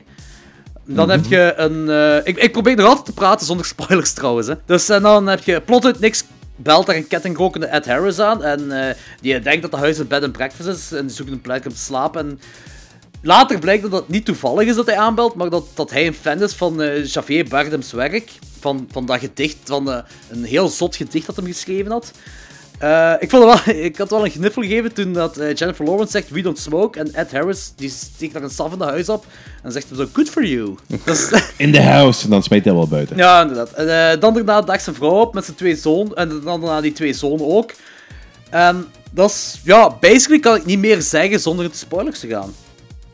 Ik denk dat we misschien hier een spoilers moeten gaan. Ja, de- ja oké, eerst nog, die, die film die volgt vooral Jennifer Lawrence en al de rest zijn basically kut personages. Heel vervelende personages. Eh, nog eens, deze, deze film is niet bedoeld voor een mainstream publiek. Eh, ik snap waarom gehaat was. Er is een topcast in die film. Al deze mensen zouden deze film niet zijn gaan zien als de film niet geregisseerd zou zijn door een door een bekend iemand of dat er al die bekende mensen zo. Daarmee had hij ook zo gehaat wordt, denk ik. Deze mensen niet, denk ik, veel gewoon, ik weet niet. Als je de vorige Jennifer Lawrence films hebt gezien, allee, ze had dan uiteraard Hunger Games en The Passenger, dat zijn dan blockbusters. X-Men, ja, zaken als eh, Silver Lining Playbook of Joy, dat is al iets minder, maar deze is echt nog een stap. Ja. Arthouse. Maar ook voor, voor Aronofsky zelf ook, hè. Die zat altijd wel in het arthouse gedeelte, zo wat, maar deze is... Ja, maar Noah of zo is toch nog iets toegankelijker Klopt. dan dit. Maar ik vind, wat ik geweldig vind aan deze film, is, ja, ik zal het gewoon omschrijven, thought-provoking. Gewoon, ben samen met mijn vrouw gaan kijken, zij haten het, maar echt haat. Ze vond dat verschrikkelijk. Mijn vriendin film. ook. Ik, ik vond hem geweldig, maar ik vond het feit dat wij bij het naar huis wandelen van de bioscoop daar een half uur over aan het praten waren, dat vind ik geweldig als cinema dat doet. Of dat je het goed vindt of niet goed vindt, gewoon, dat leeft verder. Ik ben een dag daarna It gaan kijken. Ik heb tijdens de film, de eerste helft van It, was ik nog altijd aan deze film bijna aan het denken. Gewoon, ik vond deze een film die allee, doet aanzetten om erover na te denken. Ook al vind ik hem niet goed, toch vind ik, zit zo van alles in en je kunt er dingen blijven uithalen. Want als we het straks dan over spoilers gaan hebben, ik denk dat je nog alle drie de andere dingen hebt uitgehaald of niet hebt uitgehaald, of accenten hebt gelegd. Die grote lijnen, de grote lijn zit erin, maar toch allerlei kleine details. Er is over alles zo goed nagedacht. Ja, dat vind ik ook. Dat vind ik- ik... vind, ik, vind, ik vind het briljant gemaakt op dat vlak. Want ik, ben, ik ga toegeven, ik ben, dit, dit is een arthouse film, maar ik ben over het algemeen geen fan van arthouse films. Als, ik, vind, ik ben heel sceptisch daarover. Dus als een arthouse film geen verhaallijn heeft, geen rode draad, en waar, waarvan duidelijk is dat de maker geen idee is, heeft wat hem aan het maken is, zoals ehm, Tree of Life of, of eh, eh, Kuso eh, of The Pretty Things Of in the eh, House. Amer. Volg ik helemaal in. Allee, toen, ja, toen allen vier hebben allee, Michiel, die, die houdt van die echt extreme dingen. En elke keer als hij een film mocht kiezen, was dat zoiets dat... oh, dat was, ik vond het dramatisch om te zien, maar die, voor hem hoeft dat inderdaad zo... De Neon Demon, kun je wat die gezien hebt? Ja. Ah, maar de Neon Demon was ik wel Ja. mee mee. Dat, ja, maar zo, dat, dat is voor mij zo echt al randje. Zo, Ik, ben, ik ben, moet wel dat vind ik zo nog een stap verder in art. dat snap ik, want eh, die regisseur, die ben ik ook niet 100%. Drive vond ik heel goed. Ehm, ja, oké, Bronson, dat is nu iets heel anders. Maar gelijk Only God Forgives vond ik verschrikkelijk. Dat moet ik even zeggen. En Neon Demon, ik had de hele tijd dat gevoel van Only God Forgives. Ik dacht, ik ga deze film haten, deze gaat kut zijn. En dan heb je dat einde, waar de, alles in die film goed samen... Behalve Keanu Reeves. Keanu Reeves kut in die film. Maar zo, wat, wat heel die film goed... Ik vind... De Neon Demon vind ik eigenlijk een modern-day Suspiria. Eh, die, die heeft die structuur mooi overgenomen. Het, het zijn niet letterlijk heksen waar het over gaat. Maar het heeft veel weg van Argento het algemeen en van Suspiria, vind ik, Neon Demon. Dus wat, dat, is, is een andere discussie. Eh, maar eh dingen is gelijk Kuzo, Tree of Life, The Pretty Things That Lives in the House. Dat is hetgeen eigenlijk wat jij nu beschrijft, Thomas. Echt gewoon, ja, basically zijn dat, vind ik dat gewoon kutfilms. Dat is, dat is arthouse waarvan de regisseur zelf niet weet waar hij mee bezig is. Heb ik het gevoel. Ehm, en dat had ik niet met dit. Ik ook niet. Omdat hier duidelijk een, een verhaal in zit, Ja. zeker in het eerste gedeelte. En ik denk dat dat ook bewust... Allee, opnieuw, als we straks naar spoilers gaan... Op het moment dat je dingen begint te zoeken, kan je bijna elke seconde iets achter beginnen zoeken. En dat vind ik hier Ja, heel geweldig aan Inderdaad. film. En daarmee dat ik het jammer vind dat ik deze film maar één keer gezien heb voor deze podcast, voor deze aflevering. Want ik heb, ik heb een, een lijstje gemaakt met dingen waar ik denk dat iets kan betekenen. Maar ik weet niet of ik daar goed, eh, of dat juist in ben. En ik heb sowieso een heel hoop vergeten. En ik, na die film zei ik om, ja, Machtel, mijn vriendin, die zei ze van, ik vond deze kut. Ik vond deze, ik snapte het. Eh, dus zij had eh, al de metaforen, of ze had eh, de grote lijnen van de metaforen had ze door. Maar ik vond het nog altijd kut. En dat had vooral te maken met de heel veel irritante personages. En, en waarom dat ze zo irritant zijn tegen Jennifer Lawrence toe. Terwijl ik juist vind dat die irritante kutpersonages heel belangrijk zijn. Dat ze irritant en kut zijn. Ja, I agree. Ja, maar dat is ook de film, dat is ook de reden waarom ik de film apprecieer, maar de reden dat ik heel kut vind. Ik, ik, ik, ik heb in de hele film heb ik me opgejaagd. Ik snap die dat, dat snap ik. Omdat ik, ik, heb, me- ik heb me heel hard ingeleefd in Jennifer Lawrence Ja, als personage. maar dat is goed. Dat is de bedoeling. Ja, oké. Maar dat heeft er wel voor gezorgd. Ik wou letterlijk iedereen die ooit in dat huis in die film is gekomen en iedereen wat op dat moment in de zaal zat, levend verbranden. Ja, maar dat is het punt. Ja, ik vind inderdaad, Dat, zo, ja. dat is een gevoel dat ze ik willen was creëren. zo dat vind ik daar ongelooflijk heel goed. kwaad door die film. Dan, dan is die ik film vond dat geslaagd. ongemakkelijk, ik vond dat vervelend, ik vond dat kut. Ik had gewoon zo'n idee van, stel je voor dat iemand zo in mijn huis is. Degoutant.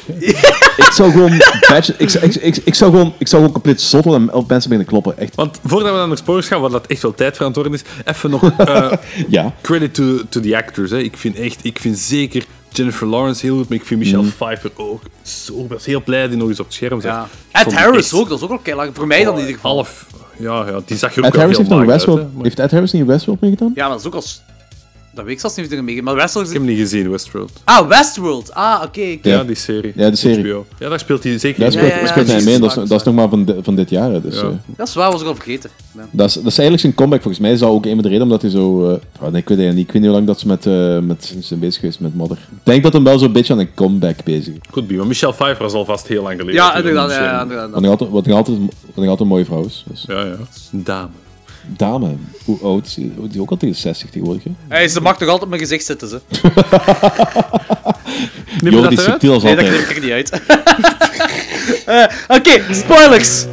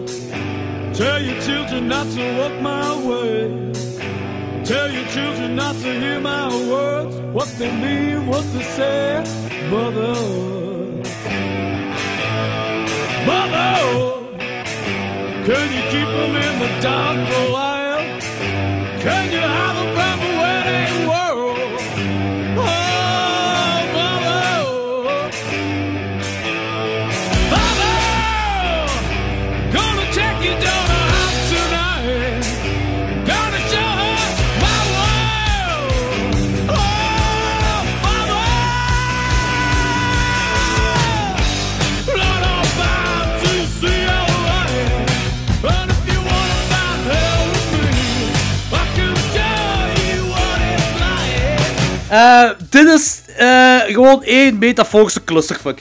Eh, basically, oké, je kunt deze film op heel veel manieren interpreteren.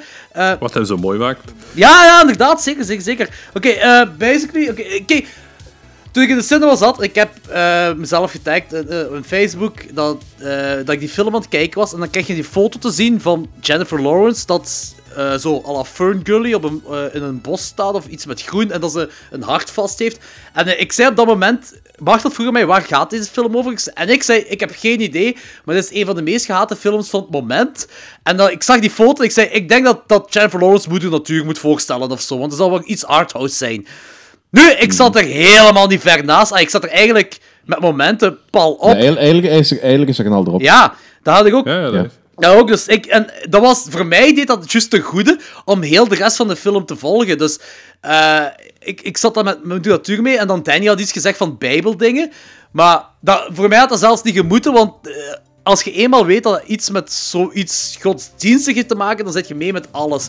Dus Jennifer Lawrence is dan moeder natuur. ehm, maar ook de maagd Maria. Ai, maagd, oké. Ze, Ja. ze moet ik Maria voorstellen, want aangezien Xavier stelt God voor, want hem wordt met hoofdletter geschreven. En Eh, de, dus ehm, ja, de, de man en de woman zijn... ehm, Adam en Eva. Adam en Eva, de zonen zijn Kain en Abel. Ja. En eh Kain vermoordt Abel dan in het huis van ja, God. En daar blijft is- die, de bloedvlek is dan het teken van, van eh eh, dingen Ja. van Kain. Ook heel cool. Ed Harris, op het moment dat hij zo ziek is, ziet zij litteken van... eh, Aan die ribben. ja, aan zijn aan- rib. aan de rib, En dan, inderdaad. en dan verschijnt de Ja, vrouw. inderdaad. Geweldig, Ja, ja, ja, ja, inderdaad. Dat Dat is, zo. dat is zalig, maar ik vind, ik vind het leuk om die dingen te zoeken en te, te vinden wat ik allemaal Ja, op en dan, zit. en dan Jezus die dan geboren wordt en Jezus die dan uiteindelijk dan ehm, door het volk eigenlijk Lichaam en bloed. gedood, Ja. ge- gedood wordt. En Ja, nu gaat dat echt ze naar een van de zwaardere ja, stukken aan de film, die knakt het daar is. Oh, ja, die Oké. necksnap! Dus ik, zat, ik, zat na, ik zat naast Sofie in de bioscoop en je bent die knak en Sofie haar hand voor haar gezicht en die, die, eh, die, die hand heeft daar, eh, die hand heeft daar twee minuten gezeten. Eh, Die- Maar was- natuurlijk. Ik weet niet of ik ooit zo'n felreactie bij Sofie heb gezien bij een film. Dat was zalig, dat was echt zo goed gedaan, hè. Dat is, en ja, dat is gewoon de letterlijke betekenis van eet mijn lichaam en drink mijn bloed. Ja, vlak daarna dat stuk dan. Dat dat is was effectief, ja, zeker die kleine, dat ze zo eh, die ingewanden en dergelijke allemaal te zien krijgen. Dus, Ja.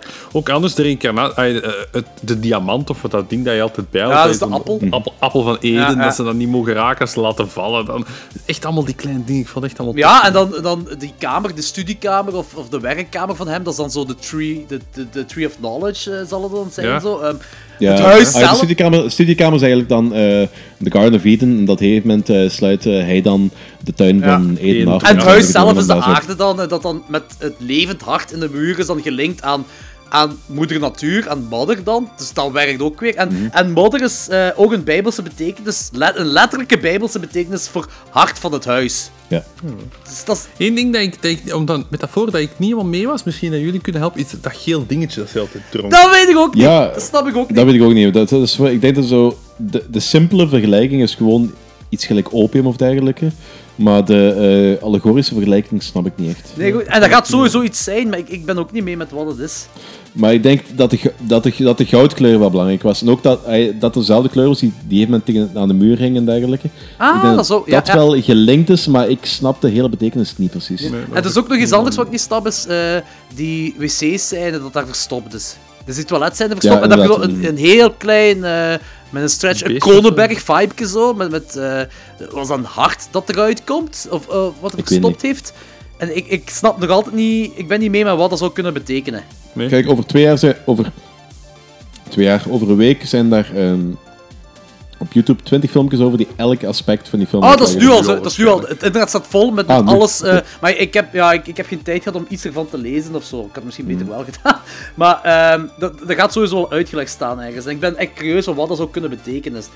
Eh, die kapotte la- lavabo, dat is ook iets heel belangrijk. Dat is wat ik, daar ben ik niet 100% zeker van, maar misschien dat jullie mij kunnen bevestigen of kunnen zeggen wat wel is. Ik had dat zo gezien als het vloed. Dus je hebt een hoop, eh, zo het zonvloed. Zo, je hebt een hoop bezoekers dat het geduld van modder dan testen en, en daar zitten op te jumpen. De zeven zonden was dat bijna. Allee, dat is dan, of toch een zonde dat ze effectief.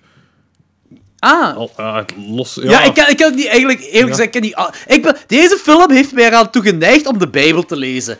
Want echt, Oei. ja, ja, ja, echt zo van, ik wil meer weten, want eh, ik denk als ik de Bijbel ga lezen, kan ik meer dingen aan deze film gaan linken. Want, dus daarbij, gelijk, die lavabo, ja, de zon had ik nu, ja, ik, ja het zondvloed zo. Het is inderdaad, inderdaad ze zijn, ehm, in, de, in het Oude Testament wordt ze regelmatig gewaarschuwd eh, voor God voor die of die of dat niet te doen. En omdat... En dan testen ze modder Ehm. uit, moeder natuur uit zo, eigenlijk. En, eh, ja, Dat weet ik niet, dat weet ik niet precies specifiek, maar omdat ze blijven verzaken aan eh, zonde, ehm, wist ehm, ja, God op een gegeven moment gewoon de aarde leeg aan de hand van de zonvloed. En Noah is dan Ja. zo, heeft dan zijn bootje en iedereen die uit dat bootje zit, Ja, ja, alle ja. diersoorten zijn dan de enige overlevende. Ja, ja, ja, maar dan heb je Ehm. zo'n modder die, die jaagt die mensen weg. Dus basically is het dan weer moeder natuur dat de mensen, de, de, de verschrikkelijke mensen straft door water. En da- daar, eh, daar begin ik zo'n beetje moeilijkheid. Dat is een van de dingen waar ik zo'n beetje moeilijk mee heb van. Want de allegorie is inderdaad in grote lijnen, komt wel overeen.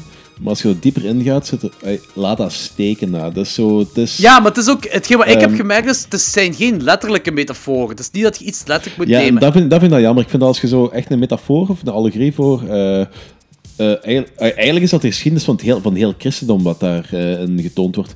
En als je zo die allegorie gaat zijn, dan heb ik ook wel graag dat je zo. ehm, dat je daar een beetje trouw aan zijt. Want Aha. Adam en Eva zijn niet plots verlicht nadat eh, het hart of gevallen of nadat ze van de appel hebben geproefd en dergelijke. Dat blijven obno- obnoxious eh, motherfuckers. Dus die zijn op dat vlak zijn ze niet veranderd. Ja, maar Dus ik, zo- dat, vind ik eerlijk gezegd juist hetgeen wat, wat ik wel leuk vind, is dat je dat niet letterlijk moet nemen. Gelijk eh, Jennifer Lawrence, dat dan eigenlijk moeder natuur is, maar ook Maria is. Want Ja, maar dat, dat kan perfect. Dat kan perfect, want, want ehm, ja, dat, dat komt een beetje van het... En dan dat komt een beetje van- Magdalena van ook, hè, want dat die wordt in elkaar De moederfiguur en... Wat? Die wordt toch helemaal in elkaar geklopt op dat moment. Had ik zo dan, eh, eh, die hoerder van de Bijbel, Magdalena, had ik dan zo dat gevoel dat ze dan op dat moment dat Ja. is. Terwijl Maria, de moeder, nooit die griet is geweest. Dus zij is een beetje veel Maar dat kan, personages dat, dat kan de eigenlijk perfect. Dat kan eigenlijk perfect, want zeker als je zo de, de pre-christelijke traditie en dergelijke, en zo heidense traditie Ja? en dergelijke, dat het eh, natuur en de, de vruchtbaarheidsfiguur in religie en dergelijke, heel vaak wordt dat vereenzelvigd. Dus dat is in principe dezelfde figuur. In christendom wordt Maria en zo... Om, zeker omdat christendom heeft zo'n beetje zo... ehm, Maar Maria en Magdalena zijn wel niet dezelfde persoon, hè? eh, daar zijn discussies over de, meest, uit de, de correcte christelijke lijnen. Heeft Jezus seks gehad met zijn eigen moeder? Nee, nee, nee. nee. Dat is zo dezelfde, dat, dezelfde met, dat is zo dezelfde ehm, archetypes zouden zijn. Maar de, de strikte christelijke tradities zijn het er helemaal niet mee eens, maar zo andere... Ah, ja, oké, maar dat is ook weer zo... discussiëren. Ja, ja, oké, dat is hoe je dat ook zelf Maar- opneemt natuurlijk. In ieder geval, ehm, in pre-christelijke traditie zijn zo de eh, sterke vrouwelijke figuren in de religie en dergelijke, of de uh, vruchtbaarheidsfiguren, staan vrij uit gelijke natuur. En dat is wat ik eigenlijk ook een beetje raar vond, dat ze zo moeder natuur erbij halen. Want op zich is christendom ook een beetje vies van het verpersoonlijke of het verheiligen van eh, natuur zelf. Dus dat, dat, dat vind ik een beetje Dat is raar. het, het invasive, hè? want je, je, je leeft mee met moeder natuur, met dan Jennifer Lawrence. Jij vereenzelvigt je met haar en je ziet eigenlijk al een beetje de rest als indringers op. Mhm. De mens is een indringer op de planeet, God is de indringer op. Dus daarom vond ik het heel goed. Al de rest moet eh, expres storend en irritant zijn, want die zijn Mhm. dan zogezegd niet welkom die maken alles kapot en alles naar de zak. En daardoor ja, krijg je medeleven met, met moeder natuur, wat Ja. je die allemaal aan het aandoen bent. Wat wij als Mhm. mens de, de natuur aandoen, dat eigenlijk gewoon, dat is als man vs nature. Dat, zo heb ik dat ook opgenomen, zodat buiten dat bijbelgedoe, wat zo één eh, metafoor is, is dat ook gewoon de metafoor van wat er op dit moment eigenlijk effectief gebeurt. De, de natuur geeft en geeft en geeft en wij als mens, die nemen maar en die profiteren daarvan gewoon. Die ro- roven dat leeg. hè. Ja, ik, Ja. Ik, ik snap dat. Ik snap dat. En dat is ook de reden waarom ik zo... ai, dat is zo ik heb me kapot geëigd in die film, maar ik vind het helemaal geen slechte film. En dat is, het, is, het is heel efficiënt in hetgeen wat het probeert uit te beelden. Misschien iets te efficiënt in mijn, in mijn visie, denk ik. Misschien wel gewoon veel, maar er zit dan inderdaad zo nog andere zaken dat, allee, dat je aanhaalde. Het, het kikken op die berichtjes krijgen, dat constant afgeleid is. Ook het feit dat zij heel tijd frontaal wordt gefilmd als, als op een selfie bijna manier, dat ze zichzelf aan het filmen is. Oh, dat vind ik zalig. Heel cool gedaan. Ja, dat trekt me onmiddellijk ook erin mee zo. Want ik, ik, ik denk ook dat Jennifer Lawrence in, in elke scène is. Zit, ja. Ja, ik volg het eigenlijk heel. En ook het kikken naar het, het nieuwe en het, het, het vergank, allee, het succes. Hij, is dan, hij heeft dan iets geschreven, plots hij populair. Zij heeft dan gekookt de hele tijd voor hem, maar toch vindt hij het, het verafgoden van buiten vindt hij dat fantastisch en, ah, en dat. En dan is zij plots even minder belangrijk, want de mensen zijn... Dat is dan ook weer haar, eh quote-unquote, fate testen, hè. Van, eh, van, dat ze, ook, zo dat hij die altijd die mensen binnenlaat en dat hij laat profiteren van hem, want hij, is, hij wordt verafgod, letterlijk dan. Mhm. En eh, dat is, eh, zij gaat er ten onder. Dat, dat is ook weer zo dat heel dat testgedoe dat de Bijbel altijd doet, hè, van je moet je mensen testen. Dat, is- dat is daar ook weer op ingespeeld. Uh-huh, uh-huh. Fuck man, is, ah, die film is geweldig. Die film, man, is echt is, ik, zei, ik, ga, ik ga de andere Aronofsky films nog eens moeten zien, hè, maar mijn, tot nu toe was mijn favoriete Black Swan. Maar deze zou toch wel een goede concurrentie kunnen zijn voor Black Swan voor mij. Want zoals ze er net aanhaalden, dus op vijf dagen geschreven, zat in de writer's block voor een andere film die aan het schrijven was. En ze hebben dan drie maanden gerepeteerd, dus met alle acteurs, effectief in een, in een hangaar. En ze hebben dan met plakband op de grond dat huis gemaakt. What the fuck? Ze konden oefenen voor daar te oe- oefenen, maar drie maanden, die vier acteurs, dat moet al geld hebben gekost. Of ze moeten allemaal willen, want Jennifer Lawrence is nu samen met Aronofsky, is een koppel. Sinds Ja, dat heb ik film. ook gelezen, dat Dus ze daar- daten of wat. Dat- Tijdens die films zijn ze gaan daten, hè. Dat ja, zot. maar dus het, eh, blijkbaar die repetitie was enerzijds belangrijk voor ja, de acteurs, voor het verhaal, maar ook puur voor camera. Omdat je dus heel vaak long takes hebt met haar gefilmd in het gezicht. Eh, en dat het heel moeilijk was om te zien waar moet de camera juist gaan komen als we van de trap komen, als we die hoek afslaan.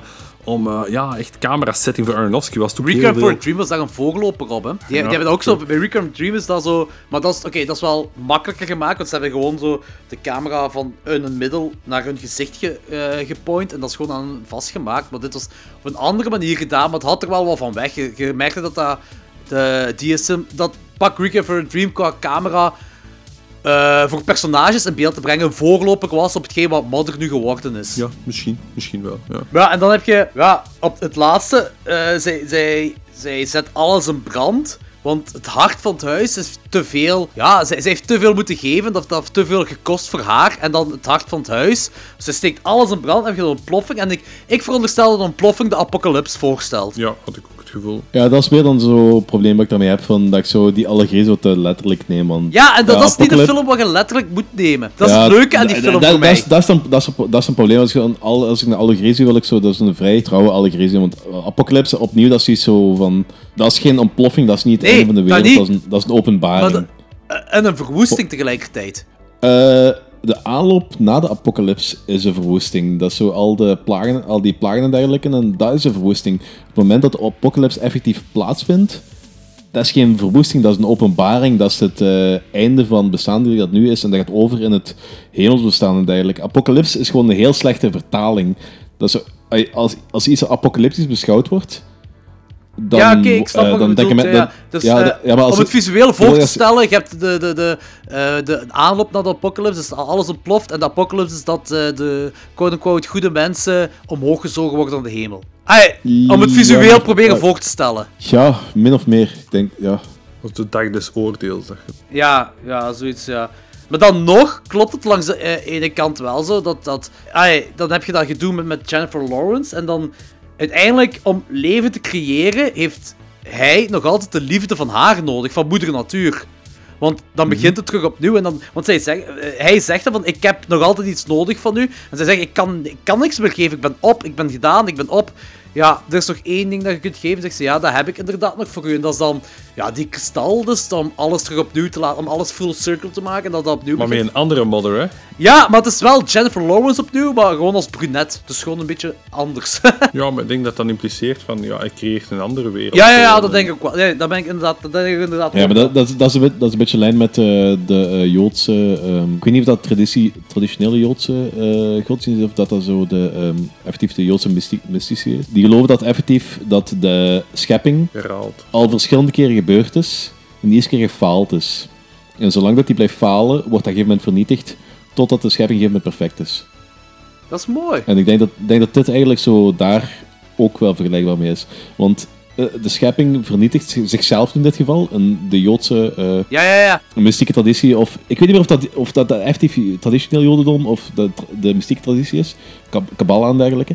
Maar eh, ze gaan ervan uit dat zo de schepping dan al verschillende keer gebeurd is en dat eh God een gegeven moment zegt van fuck the shit, het is goed geweest, het is mislukt, clean slate en begin opnieuw. Dat is graaf, want ik denk... het- dat is graaf, want ik denk ook wel dat deze film, eh, als je de, de Bijbelse metafoor neemt, dat daar zo'n beetje een samenhang is, of eh, eh, eh, een mishmash is van hoe verschillende religies dit soort stuk van het Bijbelverhaal Mhm. opnemen. En dat vind ik cool eraan. Dat je daarmee ook niks letterlijk kunt nemen. Zo- Een paar dingen misschien wel, gelijk dan de, dat, dat boek, dat, dat, de- die de, dat gedicht dat hem zo goed verkocht had voor een leer dat hem die kleine krijgt, is dan het Oude Testament. En dan, hup, dan heeft hij een kleine Jezus. Hetgeen, de, de inspiratie daarna komt onmiddellijk wanneer Jennifer Lawrence een verwachting is. Dat is dan het Nieuwe Testament. Dat is misschien wel wat je letterlijk kunt nemen. Mhm. Maar ik denk effectief wel dat het op Oude en Nieuw Testament gericht is. Ik denk dat Ja. heel weinig andere godsdiensten bij Ja, kijken. dat stuk, die dingen inderdaad wel. Maar ik denk heel veel dingen dat je gewoon niet letterlijk kunt nemen. Ook gewoon omdat, omwille van. Eh, dat je niet alleen die Bijbeldingen hebt, maar ook gewoon moeder natuur tegen de mens. Wat, wat nu, anno 2017, nog altijd is. Buiten Wat halen jullie van, de, van met de kelder? Wat blief? Die vaat, die vaat die er in de kelder zit en op het einde ontploffen, wat is dat? Oeh, daar heb ik geen antwoord op. Ik, eh, wel, die kikker wat er vooruit komt, dat volgens mij is met de plagen te maken. Eh, dat is goed mogelijk, dat is goed mogelijk. Dat denk ik nu wel, maar die vaten zelf, daar heb ik geen antwoord op. Ik zeg het nogmaals. Want ze vindt dan voor die poort al, hè? Ja, dus ze, gaat- ze maakt dan, dat bloed maakt dan die gat. En dan gaat ze naar beneden, dan breekt ze die poort open. Ja, ik, Ja, dat was ik ook. Ik heb daar echt geen antwoord. Ik ken, ik ken ook te weinig van de Bijbel om, om, eh, om al de antwoorden te kunnen geven op deze dingen. Maar dat moet ook niet voor mij. Ik, moet, ik, had, ik had niet zoiets na die film van. Ik, ja, ik had wel zoiets van. Ik wil elk antwoord weten, maar ik moet niet alle, elk antwoord weten om deze film goed te vinden. Ja, maar dat Mhm. is leuk om zo inderdaad over na te praten. In een podcast of in op café of... eh, Deze podcast is een beetje vriend. nee, maar Café, dat, Café 12. dat vind ik zo leuk aan deze film. Ja. Het is goed, goed, of dat je nu goed vindt of niet goed, het feit dat je dat kan, dat vind ik leuk dat een film dat toelaat. Eigenlijk, ik vind dat een beetje raar, denk dat jij deze film zo haat. Want ik dacht eigenlijk echt dat deze up your alley was. Zo. Gewoon omwille van dat eh, niks moet, alles kan. En er is geen, eh, moet ik zeggen, definitie over wat de realiteit effectief zou kunnen zijn. Ja, kijk, ik had die geniaal gevonden als die personages niet zo vervelend waren. Dat, dat, is, dat heeft het echt voor mij allemaal kapot gemaakt. En nogmaals, die, die film is daar heel efficiënt in. En dat was het doel, en die zijn er geslaagd. Maar ik heb me te fel ingeleefd bij het eh, personage van Jennifer Lawrence. Dat zo, als die mensen in mijn huis zouden, zouden zitten, ik zou echt compleet zot worden. Ik heb, ik heb letterlijk verschillende keren in Sophia haar been geknepen, gelijk krankzinnig, omdat ik zo hard het opjagen was is- in die personages. Maar dan is En de film geslaagd, want daar, daar doelt het de film op. Dat is, dat is de bedoeling. Inderdaad, maar ik vond, het geen aangena- ik vond het geen aangename film. Ik vond het een goede film. Maar ik vond het helemaal geen aangename film en ik was echt boos naar de rand. en dat, dat, heb ik, dat heb ik nooit gehad tot twee, ah, twee maanden geleden heb ik dat voor de eerste keer in mijn leven gehad dat ik boos was bij een film. Toen ik Human Centipede 3 heb gezien. Dat is de eerste keer in mijn leven ik Oké, maar Human van Centipede 3 film. is echt gewoon een kutfilm. Dit is geen kutfilm. Nee, dat, dat, dat, is niet, dat is niet zomaar een kutfilm. Ik was echt boos door die film. En de- ik, ben, ik was nu ook echt boos om de film. Om een andere reden, maar ik was echt boos door die film. Gewoon dat mensen... Die mensen waren zo fucking obnoxious. Zo, zo fucking Ja, ja, vervelend. tuurlijk. Ja, ja, inderdaad. Alles aan het opeisen. En, en ik vond dat gewoon helemaal niet aangenaam. Ik vond dat heel vervelend. Ik vond dat echt vreselijk. Ik vond dat een hele vreselijke ervaring. En op dat vlak is, de film, op dat op dat vlak is de film wel geslaagd. Op dat vlak is de film wel heel hard geslaagd. Ik interpreteer Want- dat gevoel van Danny altijd mee medeleven. Maar ja, ik had compassie mee Jennifer Lawrence. Ja, en denk- daarom vond ik ja, het geslaagd, omdat ja, dat de bedoeling was. Ja, de- de- het is, het is zo het doel van de film wel. En op, de- nogmaals, op dat vlak is de film heel hard geslaagd. Maar ik heb er echt niet van genoten en ik wil hem nooit van mijn leven meer zien. Plus, ik blijf erbij, plus, ik blijf erbij, plus, ik blijf erbij van... ehm, dat is misschien ook zo iets te veel... Enerzijds iets te veel background van die hele bijbel, hebben en dergelijke.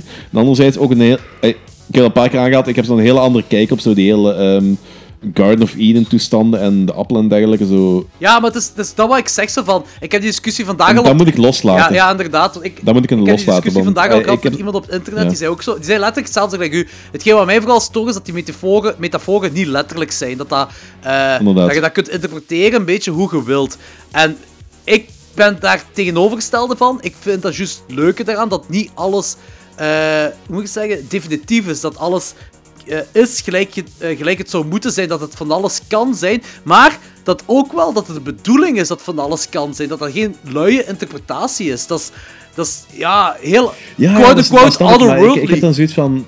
Ik heb dan zoiets van, als je... Ehm, vindt dat moeilijk, ik vind dat moeilijk. Als, als je een metafoor probeert te creëren voor een bepaald iets, zeker in de levensbeschouwing, wat voor, miljoenen, voor eh, meer dan een miljard mensen op aarde het eh, middelpunt van een eh, religieuze beleving is, dat alom gekend is dat echt wel belangrijk is in deze maatschappij.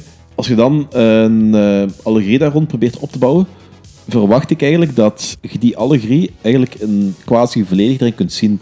Dan, kun je dan, dan zou je dan nog dingen aan kunnen, andere interpretaties aan kunnen geven aan dat, dat of dat aspect. Of je zou nog dat of dat dingen lezen, maar de, het de basis zou in mijn ogen correct moeten zijn. En Maar misschien is het correct voor een ander soort religie, voor een ander iemand die eh, meer in een andere religie gespecificeerd is, dat misschien Ja, maar dat is, wat, dat, is wat, dat is wat ik juist zei. Dit, dit, eh, dit is eigenlijk gewoon een samenhangsel van... ehm, Verschillende, basic, verschillende basistheorieën van de religie, verschillende religieën. Nee, want, eh, want eh, Dinges, Dinges heeft eh Aronofsky zelf gezegd dat het gewoon puur gebaseerd was op het Oude en Nieuw Testament. Dat, is, dat was zijn Ja, maar er uitgangspunt. zitten andere religieën nemen, ah, zo, verschillende religieën nemen het Oude Testament anders op dan dat ze zelf denken. En nu ook. En hoe moet ik zeggen, gelijk, ik heb, vroeger had ik een, een goede maat van mij, was vroeger protestant. Zij geloofde bijvoorbeeld dat Jezus nooit geleefd heeft. Ja.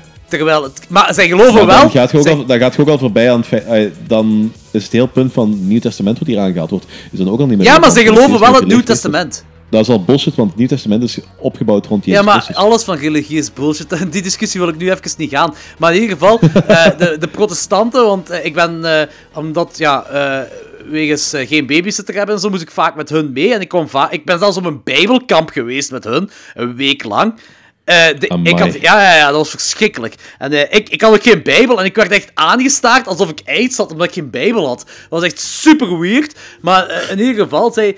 eh ah, nee, nee, zij, zij, nee, wacht. Oh, ik heb, sorry, ik heb me verkeerd gesproken. Zij geloven wel dat Jezus bestaan heeft, maar niet in de manier gelijk katholiek of christendom denkt dat Jezus bestaan heeft. Dus Jezus was een Ja. gewoon iemand, was effectief een timmerman. Dat, dat was geen belangrijk persoon in de religie bij hun. Dus dat had er niks mee te maken. Dus, en dat is iets waar je het Nieuwe Testament, wat ik heb aangeleerd gekregen op school, iets heel anders is. Terwijl het nog altijd over hetzelfde boek gaat. Mhm. En ik denk dat dat bij andere religieën dan nog anders is.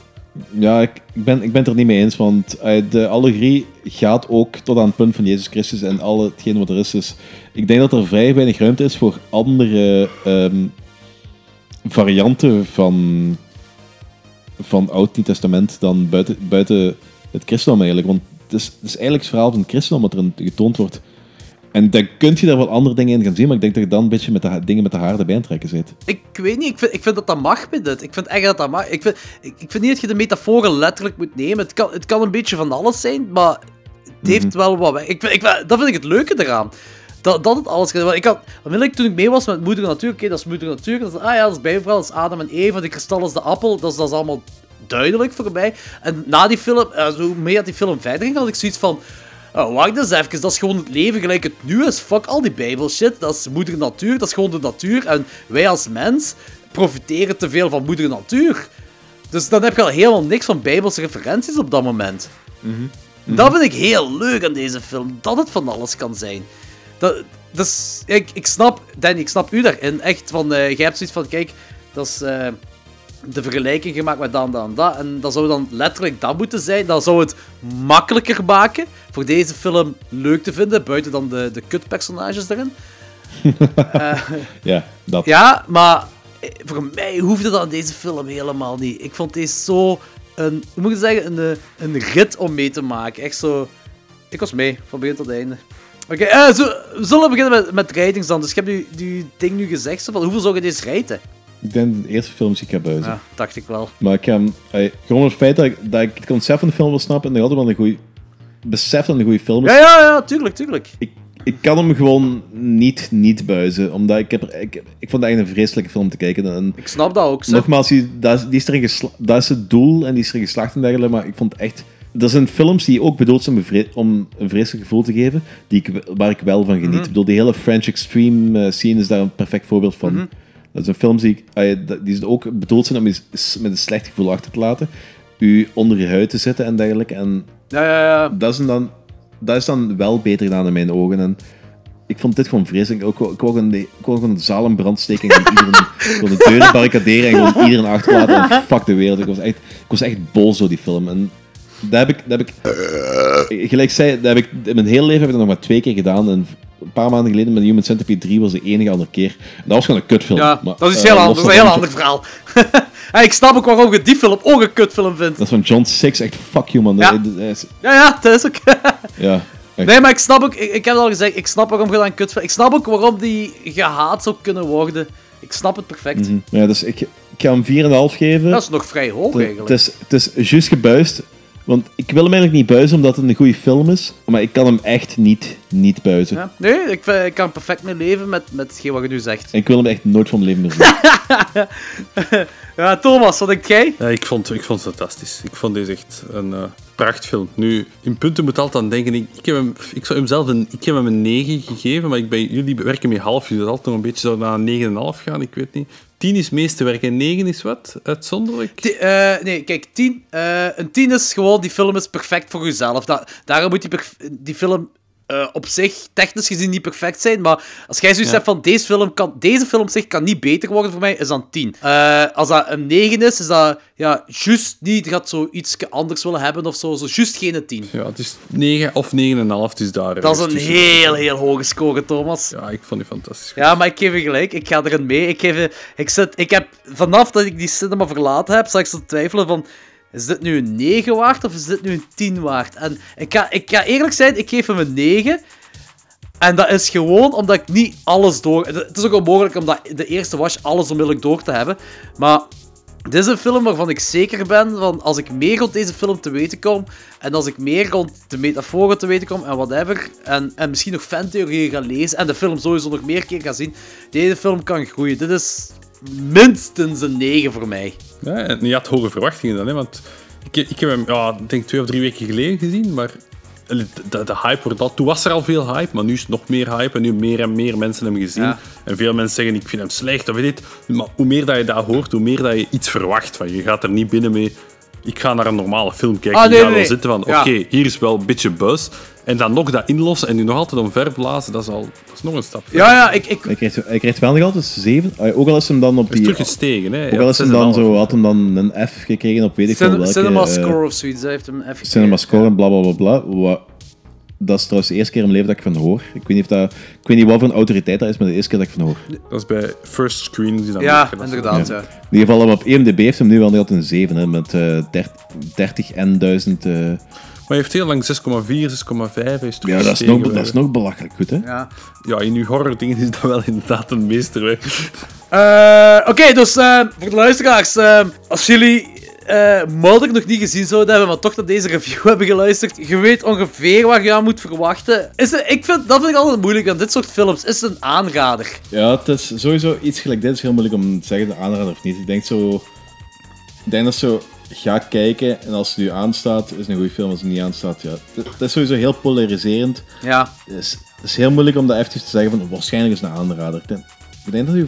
Vooral hoe dat je omgaat met die personages. Maar zo films die heel veel besproken worden, als zo Talk of Town films, is altijd leuk van die te hebben gezien om te kunnen meepraten of een mening erover Dat is hebben. waar. Dat is wel waar. Dat is waar. Dat is Dus, waar, en aangezien dat heel polariserend is, het is niet omdat je, dat je drie vrienden zijn gaan kijken en als zij hem slecht vonden, dat jij hem erom slecht gaat vinden. Dus ik vind wagen erop. Zeker deze Het is film. goeie- Het is goede cinema en het doet uitnodigen. Het is mooi gemaakt, goed geacteerd. Eh, en misschien vind je het maar niks, maar dan heb je wel een ervaring gehad die je niet snel gaat vergeten. Dus Dat is zeker, dat is Ik zeker. denk dat het een aanrader is om gezien te hebben, ook al is het maar puur als culturele referentie. Ah, voilà, daar heb je het gehoord.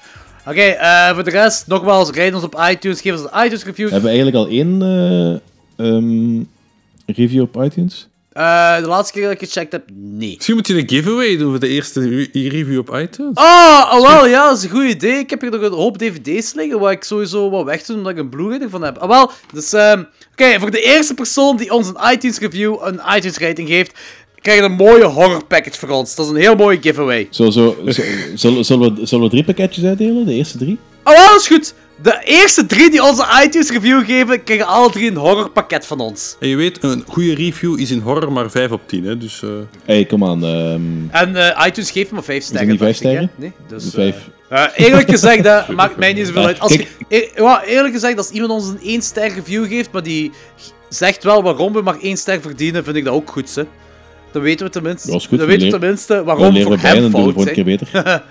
Eh, en voor de rest, eh, like ons op Instagram, want we hebben een Instagram-account en dan kun je zien eh, wat films dat we allemaal kijken. We hebben zelfs een, eh, we hebben zelfs een URL tegenwoordig. Klokslag12.be. Ja, we hebben een officiële website, dat is inderdaad waar. Dank u, Alright. merci nog eens voor Danny. Dat is heel cool gedaan. En eh, voor de rest, deel, ons ook, deel onze Facebookpagina aan uw vrienden. Ge- geef onze Facebookpagina aan uw vrienden, want onze Facebook begint wel goed te groeien, heb ik gezien. Ja, en als je nog een vraag hebt of zo, kun je altijd mailen naar klokslag00.00.gmail.com. Dat was het dan voor deze week. Eh, nogmaals, Thomas, ik hoop dat je geamuseerd hebt. eindeloos. Ja, dat is, Eindeloos, het, hè? dat is keigoed. Het was super tof om je terug te hebben.